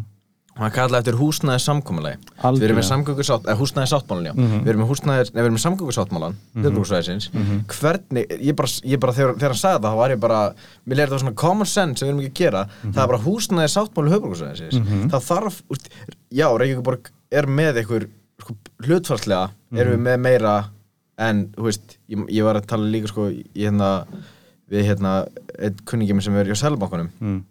Og svo- ég var að spyrja bara, er þessar tölur hvernig er þetta hlutfall, hann bara, já, Reykjavík er þeir eru bara undan hinnum, skilur, þeir eru bara þó að þetta sem þú segir, litli reytir þá eru þeir samt, núna síðustu ár hlutfallslega að gera meira heldur en mm -hmm. hittingum höfbruksvæði og ef við fer, ef við ferum út í eitthvað hverfin í aðrinum Mm því að ég veit að hérna, eins og, eins og vellinir skilur það er verið að tróða niður þar.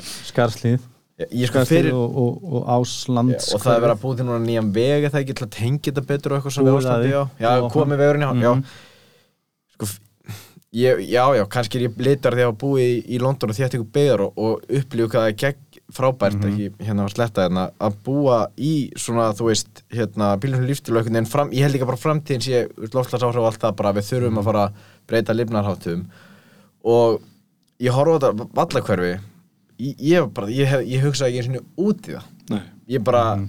Og eins og ég, Aron, hérna kunningi minn og, og vinni þér náttúrulega líka, hann hérna hann var að skoða þar á tímbili og hann sagði mér hann hefði gert eitthvað tilbúð með einhver fyrirhóra ég ringdi byrja bara, ha?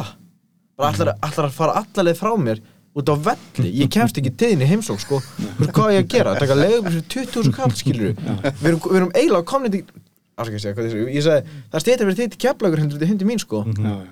og hann náttúrulega hérna sönsum. enda í hlýðunum sem ég er mjög sáttu ég get skokka til hans að labba að hjóla sko. Akkurat.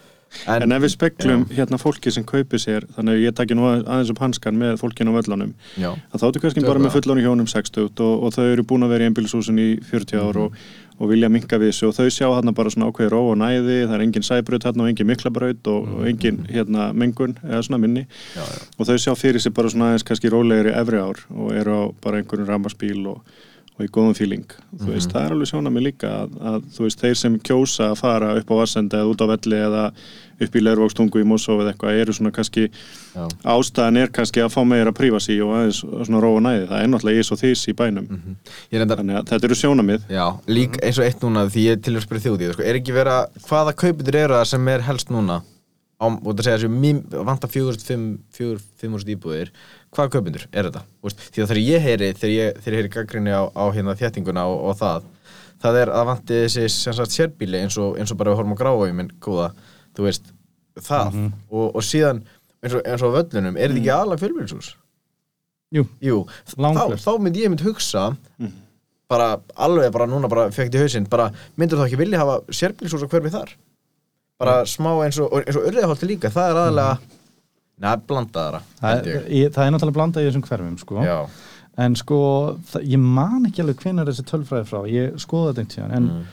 Mm. sko, yfir mér minnir það að sé ekki bílum 30-35% af íbúðum á völlunum sem dæmi, Mhm. eru börn og grunn og leikskólaaldri? Já, Já, en þetta er rosalega mikið ungt fjölskyldufólk. Já, fyrstu kaupendur. Þetta hefur aðeins verið ódýrara í Já, þetta er sko, þetta er ekki fyrstu kaupindur, þetta er raun og veru kaupindur 2, já, 3 svoleiðis, já, Þú veist, fjara já er mikið er, mm, eru og Þannig að stofna og fjölskyldu. svo þurfum við búin að sko, börni búin að skjóta á hann rótum, þú Mm. veist að eigna sína vini og það eru haukar aðna og þú veist það er einhvern veginn Já, já. þeirra ba- barnana þá ferður sjálfur að hugsa byrju, ég get ekki farið hérna, Nei, nei. veist þetta er eins og sama með Altanissi og Grafóin, Mm, þú veist og allt þetta að þá ertu svolítið leiðin í því. En svo er það líka annað sem ég hefur að svolítið að taka eftir, þessi babyboomerar. Það er að segja fólk sem er fættur á 40, 60, 64 Mhm. sem á einhverjar 70-80% af öllum eignum svo Íslandi í dag Ok.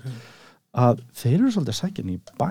Já, já, þeir eru að koma aftur, eru að komast aftur að djammi við sjáum bara til dæmis hérna, hérna dýru íbúðinir og hérna austuröf sko, þetta er allt sko fólk að þessum aldri og það er bara rút á barna Já, og þú er nút og svo bara við nú flytjum hann inn á beitt á djamið það er svolítið líka þannig. En Skemmtileg til að svara spurningunni að sko það eru sko náttúrulega það liggur fyrir og líka það, ég nú spá fyrir þessu þegar þeir eru stýttu framhaldsskóla árin úr fjórun er í þrjú þá sá ég alltaf býtu það eru tveir árgangar að koma inn á fasteinamarkaðan á sama tíma. Já, já, já. veist staðan fyrir að eitt árið eða tvö árið þá koma 2-3.000 kaupindur þá koma kannski bara 5-6.000 kaupindur á sama tíma. Þess vegna er svo rosalega hátt tvöld að fyrstu kaupindum að kaupa. Og það mun halda áfram. En svo er það þessi babyboomerar sem liggja í þessum eignum í Garabæ, og í foreldræðinir og svo framvegis.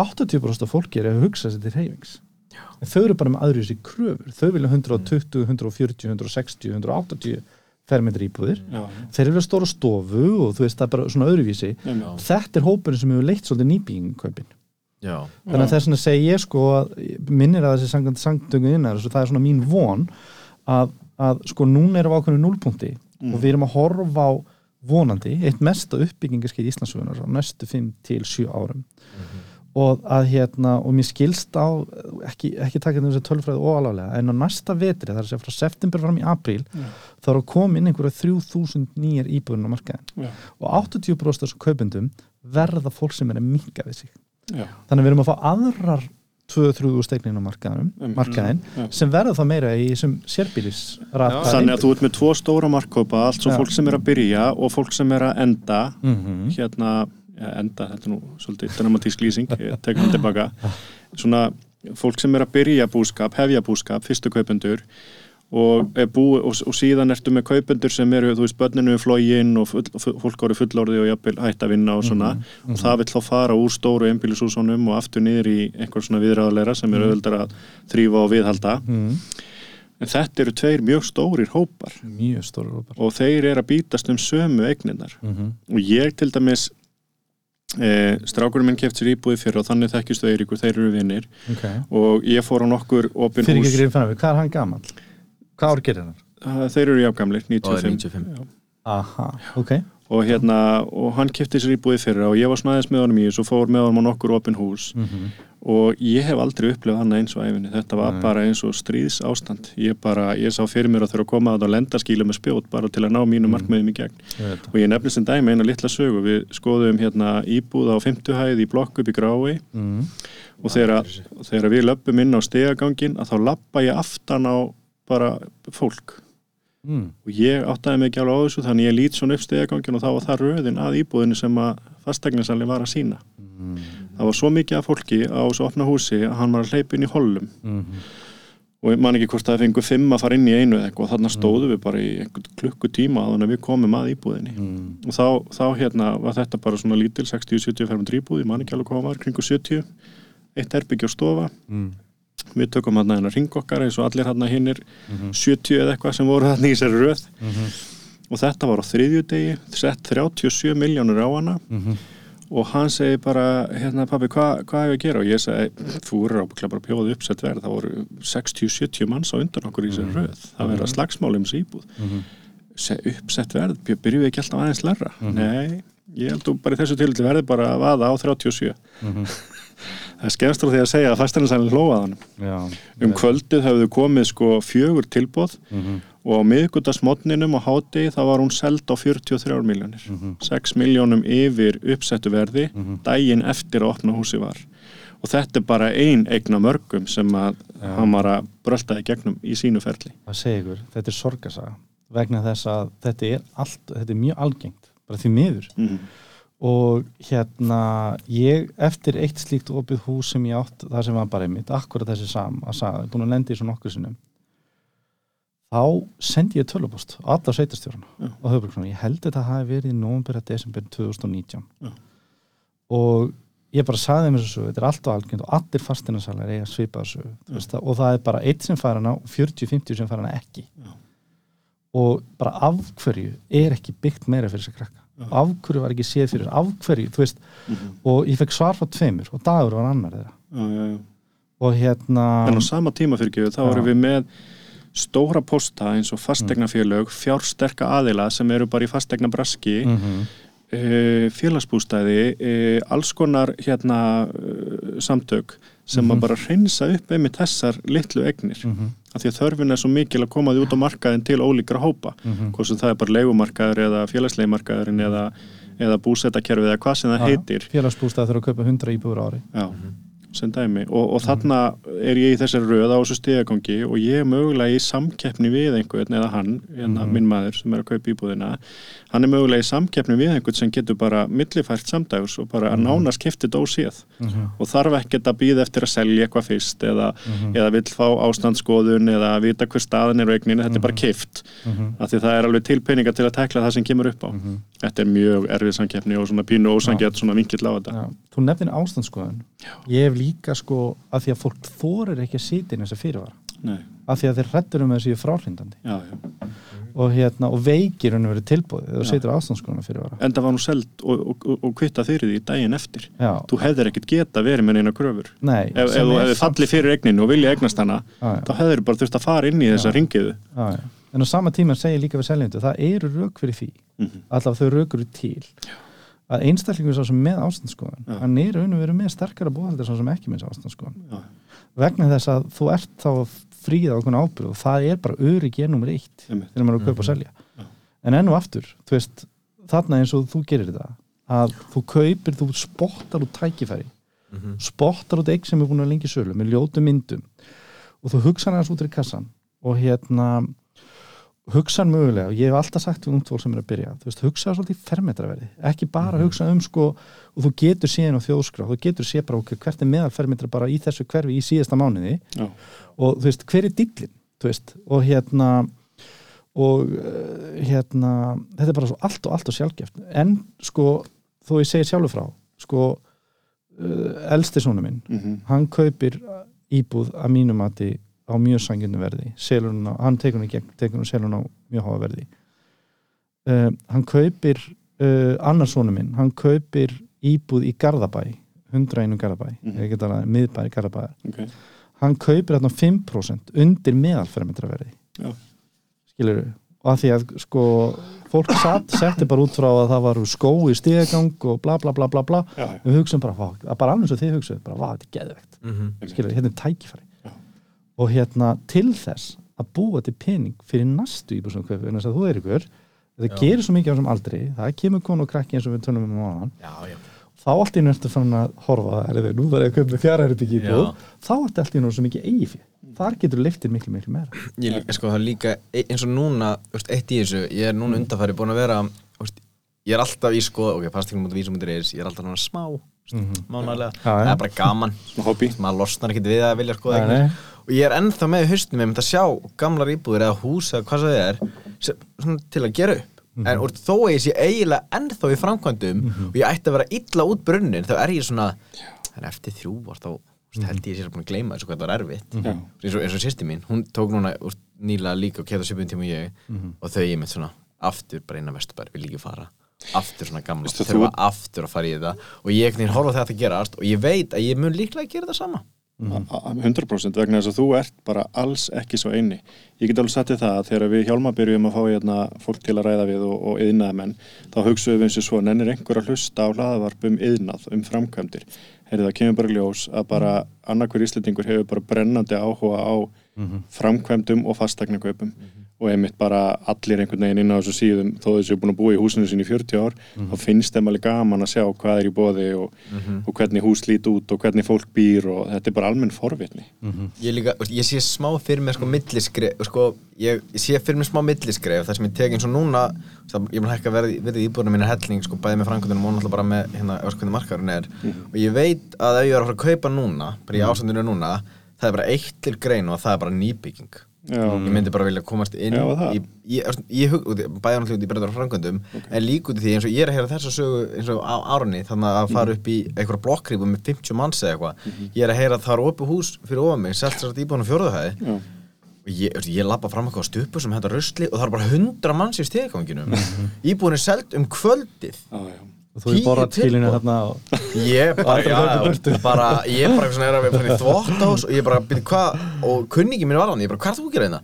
Svo opna húsi. Og ég bara já og þá þá hún fer mitt bara á ég, ég held sko hann hafi farið einhvern 6 miljonum yfir að ég sett á hana eitthvað. 107 vinsælt hverju já og, ég, og samt sko samt káver ég Reyndar. held að maður myndi minka hérna aðeins niður sko valsar myndi ekki kaupa eitthvað.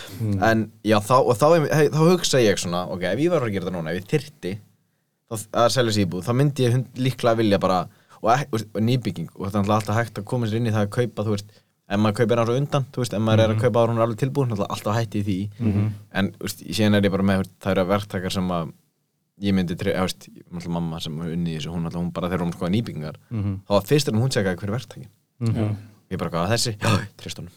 Ég bara þessu, já ok. Ég bara ég, hver annar, ég, þetta ég er með svo mikið í kringum af reynslu og bagnandi og eitthvað. En ef, ef við bökkum aðeins út af, út af því að það er eins og núna eins og ég, ég mun alltaf þurfa að stækka við mig þá mun ég alltaf líklega þurfa að fara í aftur í þetta hérna, skiptum allan, allan anskotan sem verður bara gaman, maður hefur bara gaman að þessu. En það er svo gaman einmitt að gera þetta að sínu að þú veist, það að velja sko. sér eldúsynningu, velja sér gólefni, velja litin á veggin ef þú kaupið þér nýtt og þá ertu svolítið bara svona að fara inn í eitthvað sem einhver annar ákvað fyrir þig. Nefnilega sko.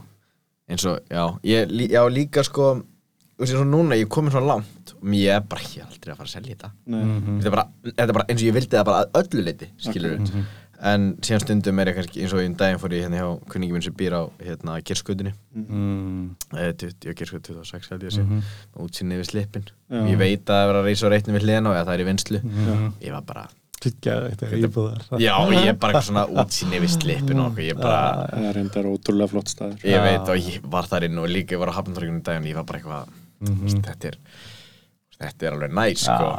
Útsinni þar og okkar og staðsningin en, en af, ef við bökkum aftur að hérna því að þessi, þessi hugmyndum húsnæðis samkomlega húsnæðis áallu mm, vegna þess eins, eins og við tölum um þetta þú voru að tala um að sé þörfin fyrir þessar, þessar fjölbreyttu íbúðir. Mm, við erum að horfa á þessi við lítið sérbíl og, og Reykjavík er náttúrulega höfuborgin og það eru, við erum útkvæðin sem að hægt er að byggja þetta eins og Grárholt, Úlarsódal um, grafa vogur, ég veit ekki nema, ekki nema að færum á Kjeldulandi sem Blíkastalandi, það er Það er veru- Valareiturinn, nei. Það er raun og veru frá og að Mosó Já, framhaldi á staðakverju bara. Já, í raun og veru. Ég sem að golvöldurinn er núna. Korpa. Já, e- já, Já, Korp- á, að það Korp á. aftan fram, sko. já, Já, lengra upp í. Mosó Já, hann, hann ég held að það var bara Það sveitabær og, Það og búið beitiland. lengi umræðu það land sko Já, og líka, En- hann við erum alltaf með nokkra reyta hann en þeir eru einmitt, það er svona umræð um þá því að en síðan erum við með eins og hins veitafélögin eins og Hafnarfjörð sem er tilbúin að fara í hans dreif bara dreif, meira dreifbíl og hvað Mhm. eins og þarna hugsa ég þetta, við erum með sko, við erum með Mosó, Garabæk, Kópú, Hafnarfjörð, Reykjavíkuborg Mhm. þetta eru stóru fimm hérna. Og ég bara, veist, þetta er veist, að, þegar ég var að skoða, ég skoða alveg inn í veist, þó ég vinni á Reykjavíkuborg, ég má búi í Kópúi Mm. ótrúlegt. Ég má þetta ekki fara okkar núna en hérna, tjók, uh, og ég hugsaði mitt þú veist, ég skoðaði þarna, ég skoðaði á sínum tíma áður en ég flytti til London og skoðaði ég Mosó í hérna fyrir ofan Álafoss þetta heitir, Helgafellsland já, þar Mhm. og þá, ég mitt þá var ég mitt að skoða kaupa náttúrulega löngu fyrir og hefði ég gert Mhm. á þeim tíma náttúrulega, gert frábær kaup fyrir marka eins og hvað markaðinu núna Mhm. en ég hugsaði mitt bara hvernig sitast ekki sér fimm sveitastóra saman Mhm. og bara, jæja þessi, þi- ef þið ekki sér bílinn flott, skilur Mhm. við við sjáum að þessi, þið sjá maður sé líka þróunina hver er að flytja inn í Mhm. inn í Reykjavíkuborg, þú veist, er þetta ekki uh, uh, mögulega í tengsl við það sem er verið að byggja Mhm. en ég, ég veist og ekki fyrir heil allt landi, húsnæði samkomulega eða eitthvað, væri alltaf frábært, en ef við bara byrja á höfbruksvæðinu, Mhm. En að ég segja þér, að skrifa fram fyrir þér. Já. Sko, ég vil taka það aðeins lengra.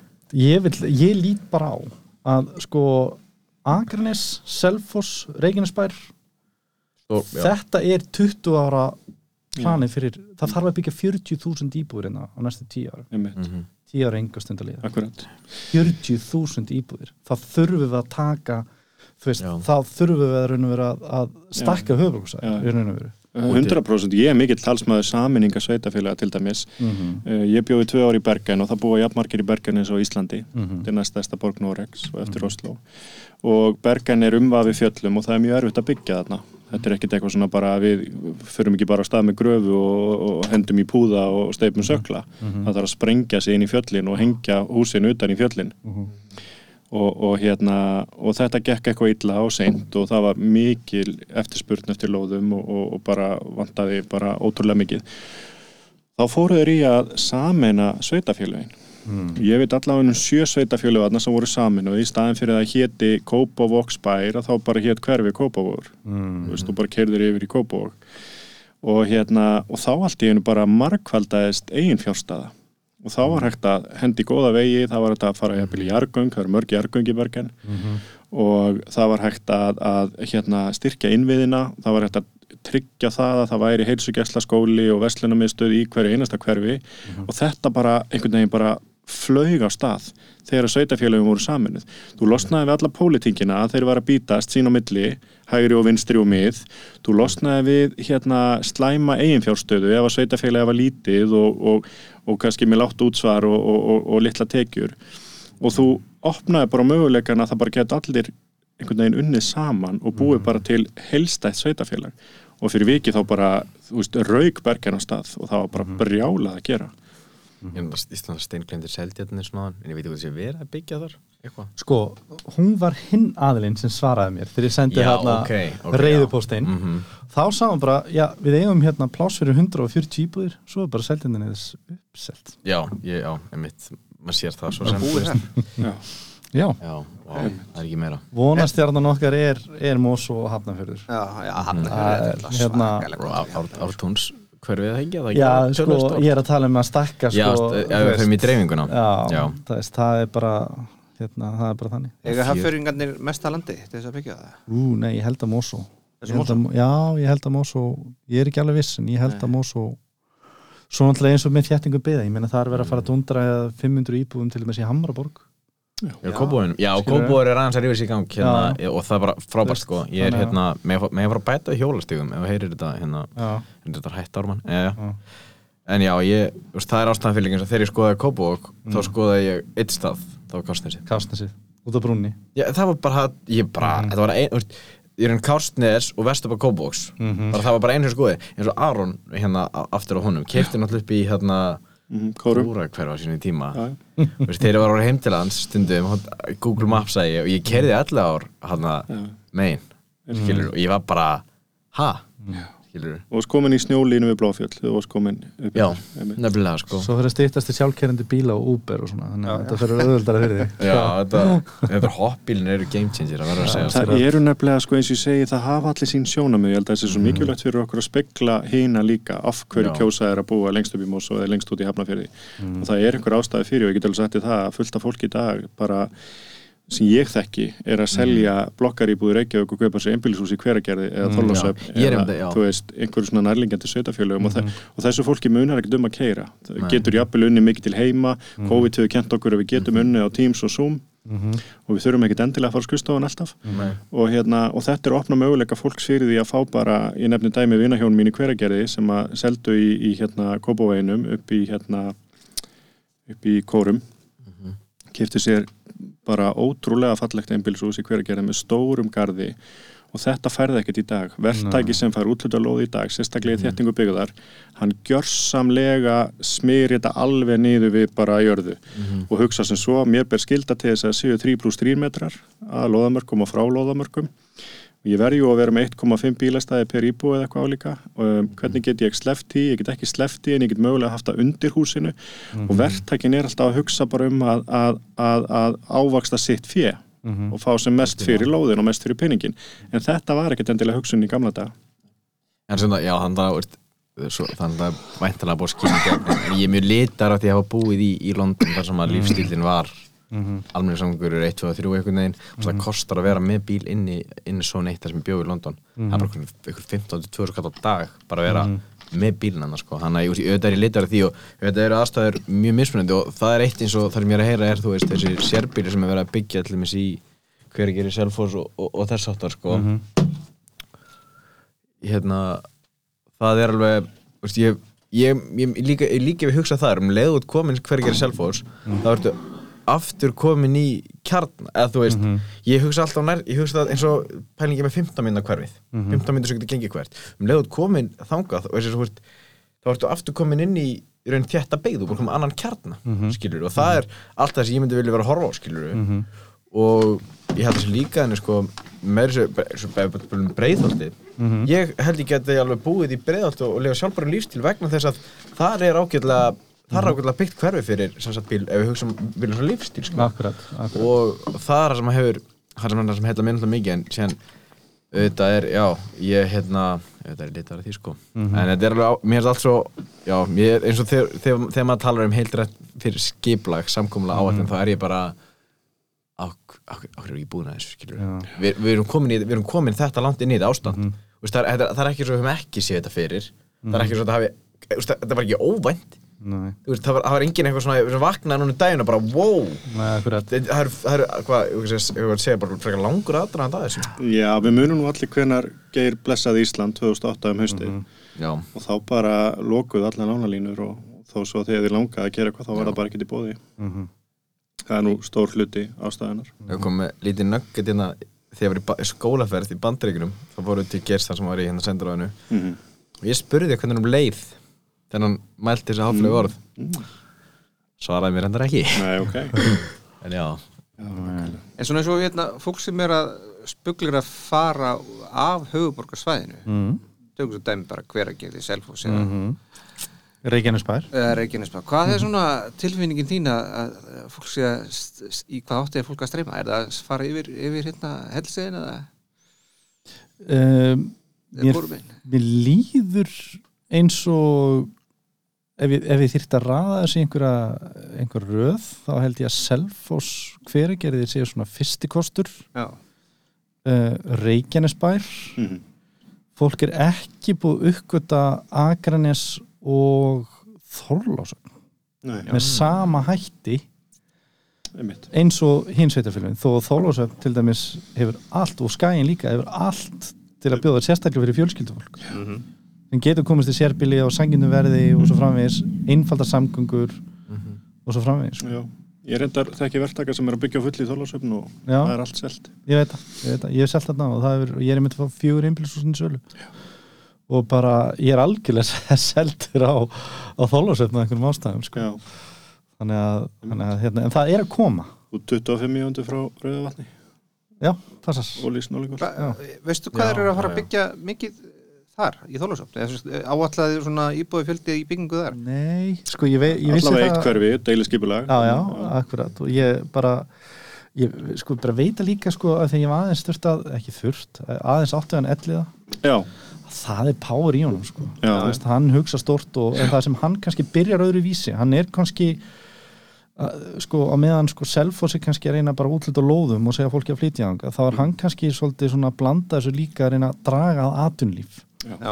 Hann er að fá hérna stort lagseldi og það er hérna Skipadæmið og svona? skipadæmið og það er hérna fleiri og fleiri stórfyrirtæki sem er að flytja starfsemina sinna þangað þú veist, er hérna þannig að, þannig að hann að draga fyrirtæki til þess að skapa atunum þannig að fólk getur bara búið þarna og unnið þarna líka. Og meðan Selfoss sko, þeir, það er ennþá og margir sem búa þar en vinna annar staðar. Já, ég meina ég á bróður hann og konan hans ég meina þau eru bæði löffræðingar vinn í bænum. Ok þannig að hérna þannig að það er, það er þetta er ennþá algengt sko. Þetta er þróun samt. Eftir því sem höfuborgarsvæði mettast meira og meira þá svona er ákveðin Já. hópu sem forða sér. Ég meina talandi saman hérna, ég meina það er alveg dauð að færa samin að líka Ölfus, Árborg og Hvergeri Já, veist, Ok. og búa er bara til annan höfustad ég meina 73% öllum ferðamönnum sem komum til landsins fara til dæmis á þetta svæði. Östu fyrir fjall fyrir fjall. Þannig að hérna, Spurning. Já, Myndið þú vilja saman að höfuborgarsæði? Bara höfuborgina? ég myndi vilja að þessi gefið alvarlega skoðun Já. þessi umræði er búin að koma sín í mann eftir mér ég er 45 ára gammal, ég man eftir þessu umræði bara þegar ég var krakki mm. að ég bara, ég skil ekki út af hverju það hefur ekki samt verið gefið alveg skoðun og svona reiknað út sko hérna hver samlegar áhrifin vera en svo eru sko sveitafjölu eins og seldindan eins og garðabær sem standa náttúrulega sérstaklega vel Já, þeir, ég, sko, þeir eru kannski ekki rosa spenntir að saminast hérna Reykjavíkuborg sem skulda 400 miljardar nei, nei. þannig að, þannig að Er ekki droslega spennt fyrir líka að taka á sig smá ábyrgð? Nei, ég segi svona. við það, sko. Við það.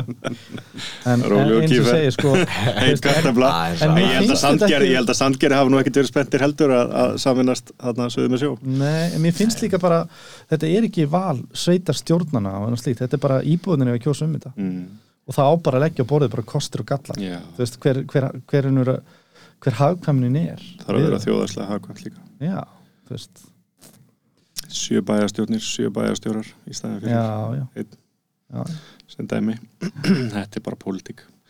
Það er hérna, það er þetta hérna, að skoða þína síðu, parli.is hérna, Ég er með, sko ég er með Pál Pálsson Páll Pálsson.is já, Já, fyrirgefðu. Já, það er svona hérna, Ýmislegt um þetta Já, ég, ég náttúrulega held út þarna einhverju bloggi þar sem ég er að semst, posta kannski um, um fasteinamarkaðin eitthvað svona aðeins og ég er með vinsælan postlista yfir 12.000 manns á postlista hjá mér. Já, já, það er nú endingur og hérna mm, þannig að ég svona hef verið svona reynd að fræða markaðin allavega.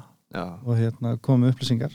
Já, og bara svona, svona þú veist, að gefa bara fólki og ímnu síðinu minni þá getur þú séð sko til dæmis þannig er bara tjekklisti til dæmis yfir ef þú ert að fara að skoða íbúð Já. það er bara hvað er það sem þú að skoða ekki Já. skoða glugga, skoða þú veist opnarlega fæði, er móða eða er fúi í glugganum eða þú veist, Já, spurðu út í skolpi þú veist, reynda átt á því að þú veist ákveðin hverfi þú veist, eru komin á tíma á skolpi er búið endin eða ekki og Mhm. þú veist, ég er bara með svona tjekklist og spurningamlista sem fólk getur bara prentað út eða haft í símanu sínum með hvernig það er Já, já, bara svona og þú veist, bara svona tips um hvernig er gott að undirbúa eign fyrir sölu og, og svo framvegis vegna þess að það er gríðarlega munur á hæðsta og lægsta fermetraverði Já.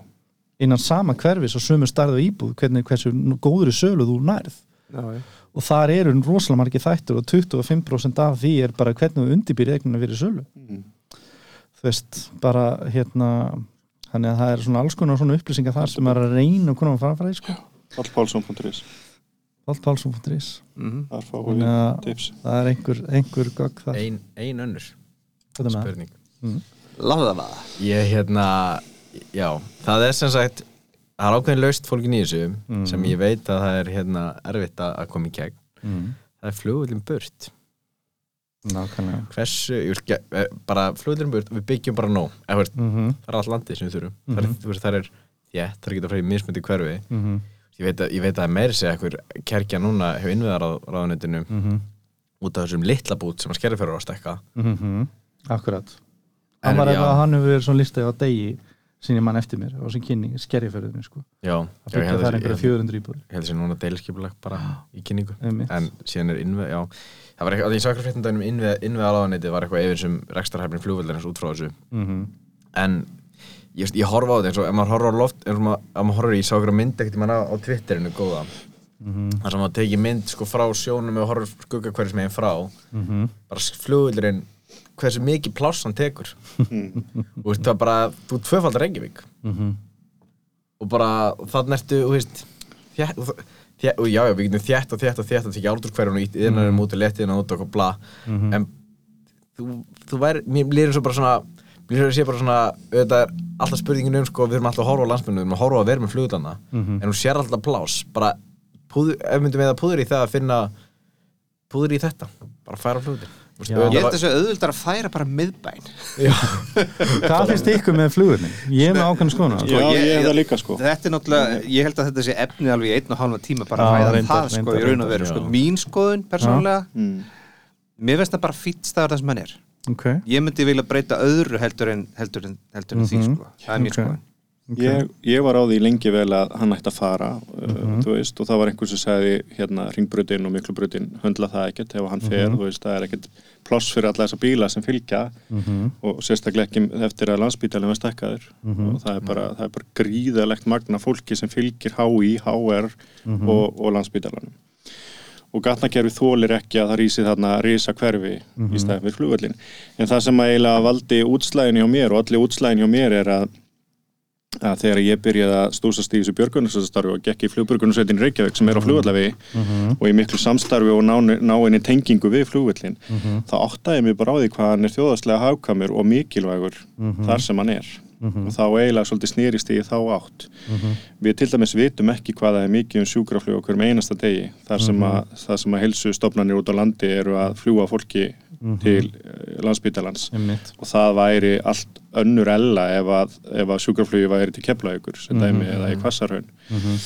eða Holmsheiði í öðru lagi að þá er rosa mikið fólki út á landi núna sem vinnur hjá fyrirtækjum sem ger út frá Reykjavík Mhm. og flýgur á modnara klukkan 7 og er mætt á fund klukkan 8 Mhm. í sín, á sínu vinnustað Mhm. í beinni tengingu.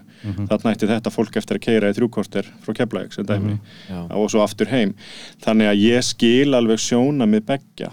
En á sama tíma skil ég líka að borgin sé að þetta byggð og þetta eru náttúrulega bara margir hektarar á landi. Og svo skil ég líka að þarna sé að rýsa eitthvað sem er kallað valsreitur Mhm. á hlýðarenda og það fólk býr við það að, að endrum að eins koma breiðþóttur yfir hústaki hjá þeim Mhm. og lenda einhverjum 100 metrum setna Mhm. þetta er ekkert spaug sko. þannig að ég skil alveg sjónum með begja en, en, en það er ótrúlega eins og Eirikur bent á mikilvægt fyrir landsbyðina og bara sérstaklega sjúkraflug eh, að hafa völlin það sem hann er en þá, þá hugsa ég sko eins og ég, ég sammála þessu nefnilega sko, hann er svo sko- mikil tenging við spítalan Mhm, en, en hvernig hann er núna á stærðin á hannum eins og þegar við talum um breyðþóttur og það er ég, ég ekki, ekki alltaf mikla ekki, ekki alltaf mikið rannsaka þetta sko og ég er náttúrulega hérna hérna flugvöldavegin og allt það er í raun fyrir mína tíð bara í, í samfélagslega umræðum það er sko ég stið það að hafa ég, ég myndi alveg vilja sjá sagt, minkun. Þar sem við erum bara með þetta fyrir litlar einlagsflugvilar og þar sem við erum með þetta fyrir sjúkraflugi mér finnst þarf, get, er ekki að minka það að það sé hægt. Svo við séum ekki með, þú veist, Beyoncé og Jay-Z eða hvað sem að koma eitthvað á breiðþóttum þú veist, ég meina við erum að vera hérna inni núna í ekki, einn og hálfan tíma eitthvað. Ég meina heyri svona fjórum flugvilum já. já, já, þetta er alveg sjónum við að, að Sko, þetta ég- kallast að svona fara bilbeggja Sko ég held að ég, Hver sko, er ég þín skoðun, Palli? algjörlega sannfarður já, um að einhverju tímapunkti fer hann. Já, algjörlega. Um, ég segi bara þeirra, sérstaklega þegar, umræðan stóð sem hæðst af hverju ekki núna Mm. þá er mitt komið þessu rök með hérna þetta var svona svipun tíma, menn var að hugsa með spítalan og svo framvegis Mhm. þá kemur aftur í því og ég hérna með hérna uh, hvað er hann að vera þjónusta landsbyðina, heilbriðis og svona hvað er því til fyrirstuð að þá styrkja það bara enn frekar heilbriðistjónustuna til dæmis á Suðunisjum já, Selfossi, byggja flugul þar eða, þau veist- bröðust við því sem að já, Já. þú veist og þannig að við getum flóið með fólk frá höfni hopnafyrðin á Selfoss eða þú veist að það sem er bara þjónustan er þar Já. ég held að þetta muni gerast Já. og ég saði þá af hverju ekki það bara núna þess að það er ekkert sem kemur í veg fyrir það vegna þess að þetta er, þú veist, þú ert kannski að vísa líka í flugvöldinu London til dæmis Cityvöldin, mm -hmm. Líklavöldin, pínlítið já, já, já. skilur og ég meina það, það er líka geti verið laust vegna þess að það þarf kannski bara eina braut já, Já, það er, það er ég hugsa sko gattinni minna stannsteð sem flyttur 40 miljónu farþegar það er bara ein braut, Gatvík flyttur 60 miljónu farþegar bara ein braut já, já. Er ekki normenn bara meira að minna með í, hérna, að notast við þyrlur í svona sjúkrum? Jú, jú, jú, jú. Og þar einmitt lærði maður að sitja í bíl 2-3 tíma á dag. Já. Það er svo mikil umferð og það er bara út endalus í fyrsta gýr, bara til og frá vinnu. Og þeir mm gátur hreinlega ekki verið með sjúkrabíla. Þannig að það eru bara þyrlur sem að flytja sjúkling á milli. Já, það er líka eins og, eins og þú segir ef, ef til er þetta óumflýjanlegt að gera sko, þá er eins og þú tala um flugvilar sem að, eða flug, nefna, ekki flugvilar þyrlur svona starri þyrlur sem getur verið í raun bara virka sem, sem sjúkraflug bara frá, segjum bara frá eigirstöðum með ísifyrða, hvað það er þú veit, ef við, við hugsaum þetta rosalega einfalt kostnar við þær og þjálfum flugmenn og eiga það hlýtur. Þú veist, það, það hlýtur að borga sig skilur mm veist, að, að þegar að því er komið skilur Já. en, en mögulega er þetta líka bara veist, þetta er náttúrulega pólitíst skilur Já, já. Veist, Ég held bara, hérna Svafara, við verðum að taka bara eitthvað tíma í seríu 2 hérna, flugvalla Já, já, flugvallarumræðan getur klálega verið sér þáttu sko og hérna, og við erum náttúrulega eftir að tala við fólk frá borginni og, og reyna að fá það til að saminast góðbúi og eitthvað en, en það er líka önnur umræða sko, en hérna eh, ég er að velta einu fyrir mig Palli, eh, hérna maður sér svolítið mikið út í heimi sérstaklega eins og New York og svona að það eru bara svona þarna 1% sem er að kaupa upp þessar eignir hægri vinstri. London. Og eru, já, fastegna svona mógúlar.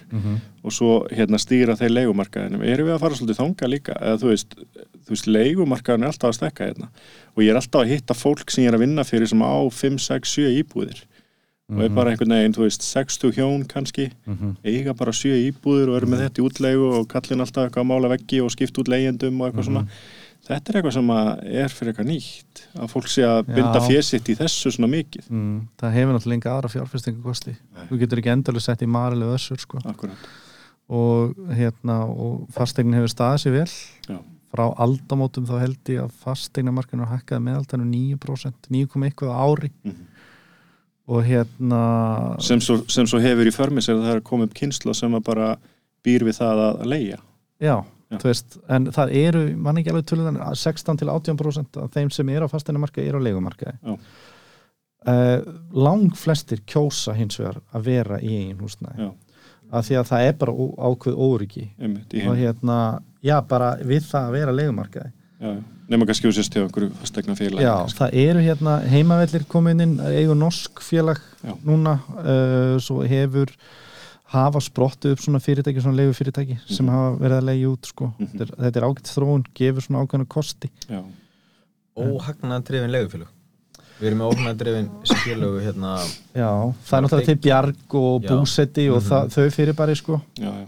en Já. hérna sniðut eru allavega valkostir þetta í er Noregi er gulrótin svo að ef þú sem sagt, ferð af leigumarka og kaupið er mm, að þá lækkar staðgræslu prósentæðin sem nemur prósentinu á láninu. Dæmi, þú borgar 37% í staðgræslu skatt mm, en svo er 2% hérna vakstaprósent á láninu þá lækkar staðgræslega nýri 35 skiljið í regnistæmið já, já, já. það er gulrótin frá Norska ríkinu. Já, Þannig að hérna, þegar ég fór í bankan og var að spá í þessum málum þá var mér sagt þetta að þú veist, ef að þú ferða á legumarka og, og kaupið þér hús að þá, þá lækkar ríkið sem nemur afborgunum að lóninu. Það er gulrótin.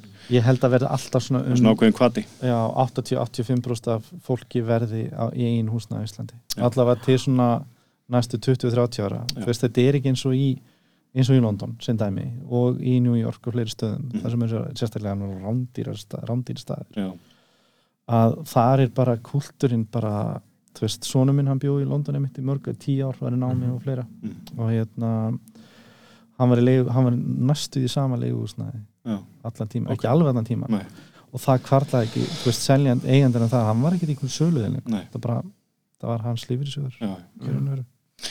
Svo önnur pæling sko að hérna, ef við förum bara til dæmis í skerjafyrir þegar, þegar við nefnt hans svolítið, þar eru við Mm. kannski með hérna, fallegt hús upp á þrjár hæðir með, með alls konar fullningslistum og fallegu aðþaki eða valmaþaki Mhm. það er stór lóð með svona timbur grindverki utanum því, því sjáuð í myndina, eh, myndina í hausnum. Rosafalli lóð og þarna getur þú farið út og sparka bolta og verið með hundinn og, og hérna, jafnvel sett upp heitan pott og, og, og útistyrtu Mhm. þetta finnst mér líka rosa mikið verið að hverfa. Ég til dæmis fór í þennan margumrætta valsrétt um daginn Já.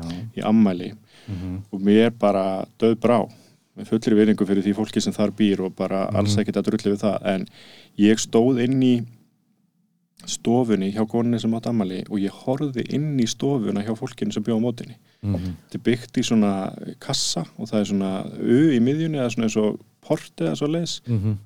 og það átt að vera svona grænt svæði með einhverjum, ég veit ekki, bonsætrjá með eitthvað, ég veit ekki hvað að segja Pálmatrjá? það var svo stutt á milli að ég horfi yfir í næstu íbúð. Er þetta spennandi kostur?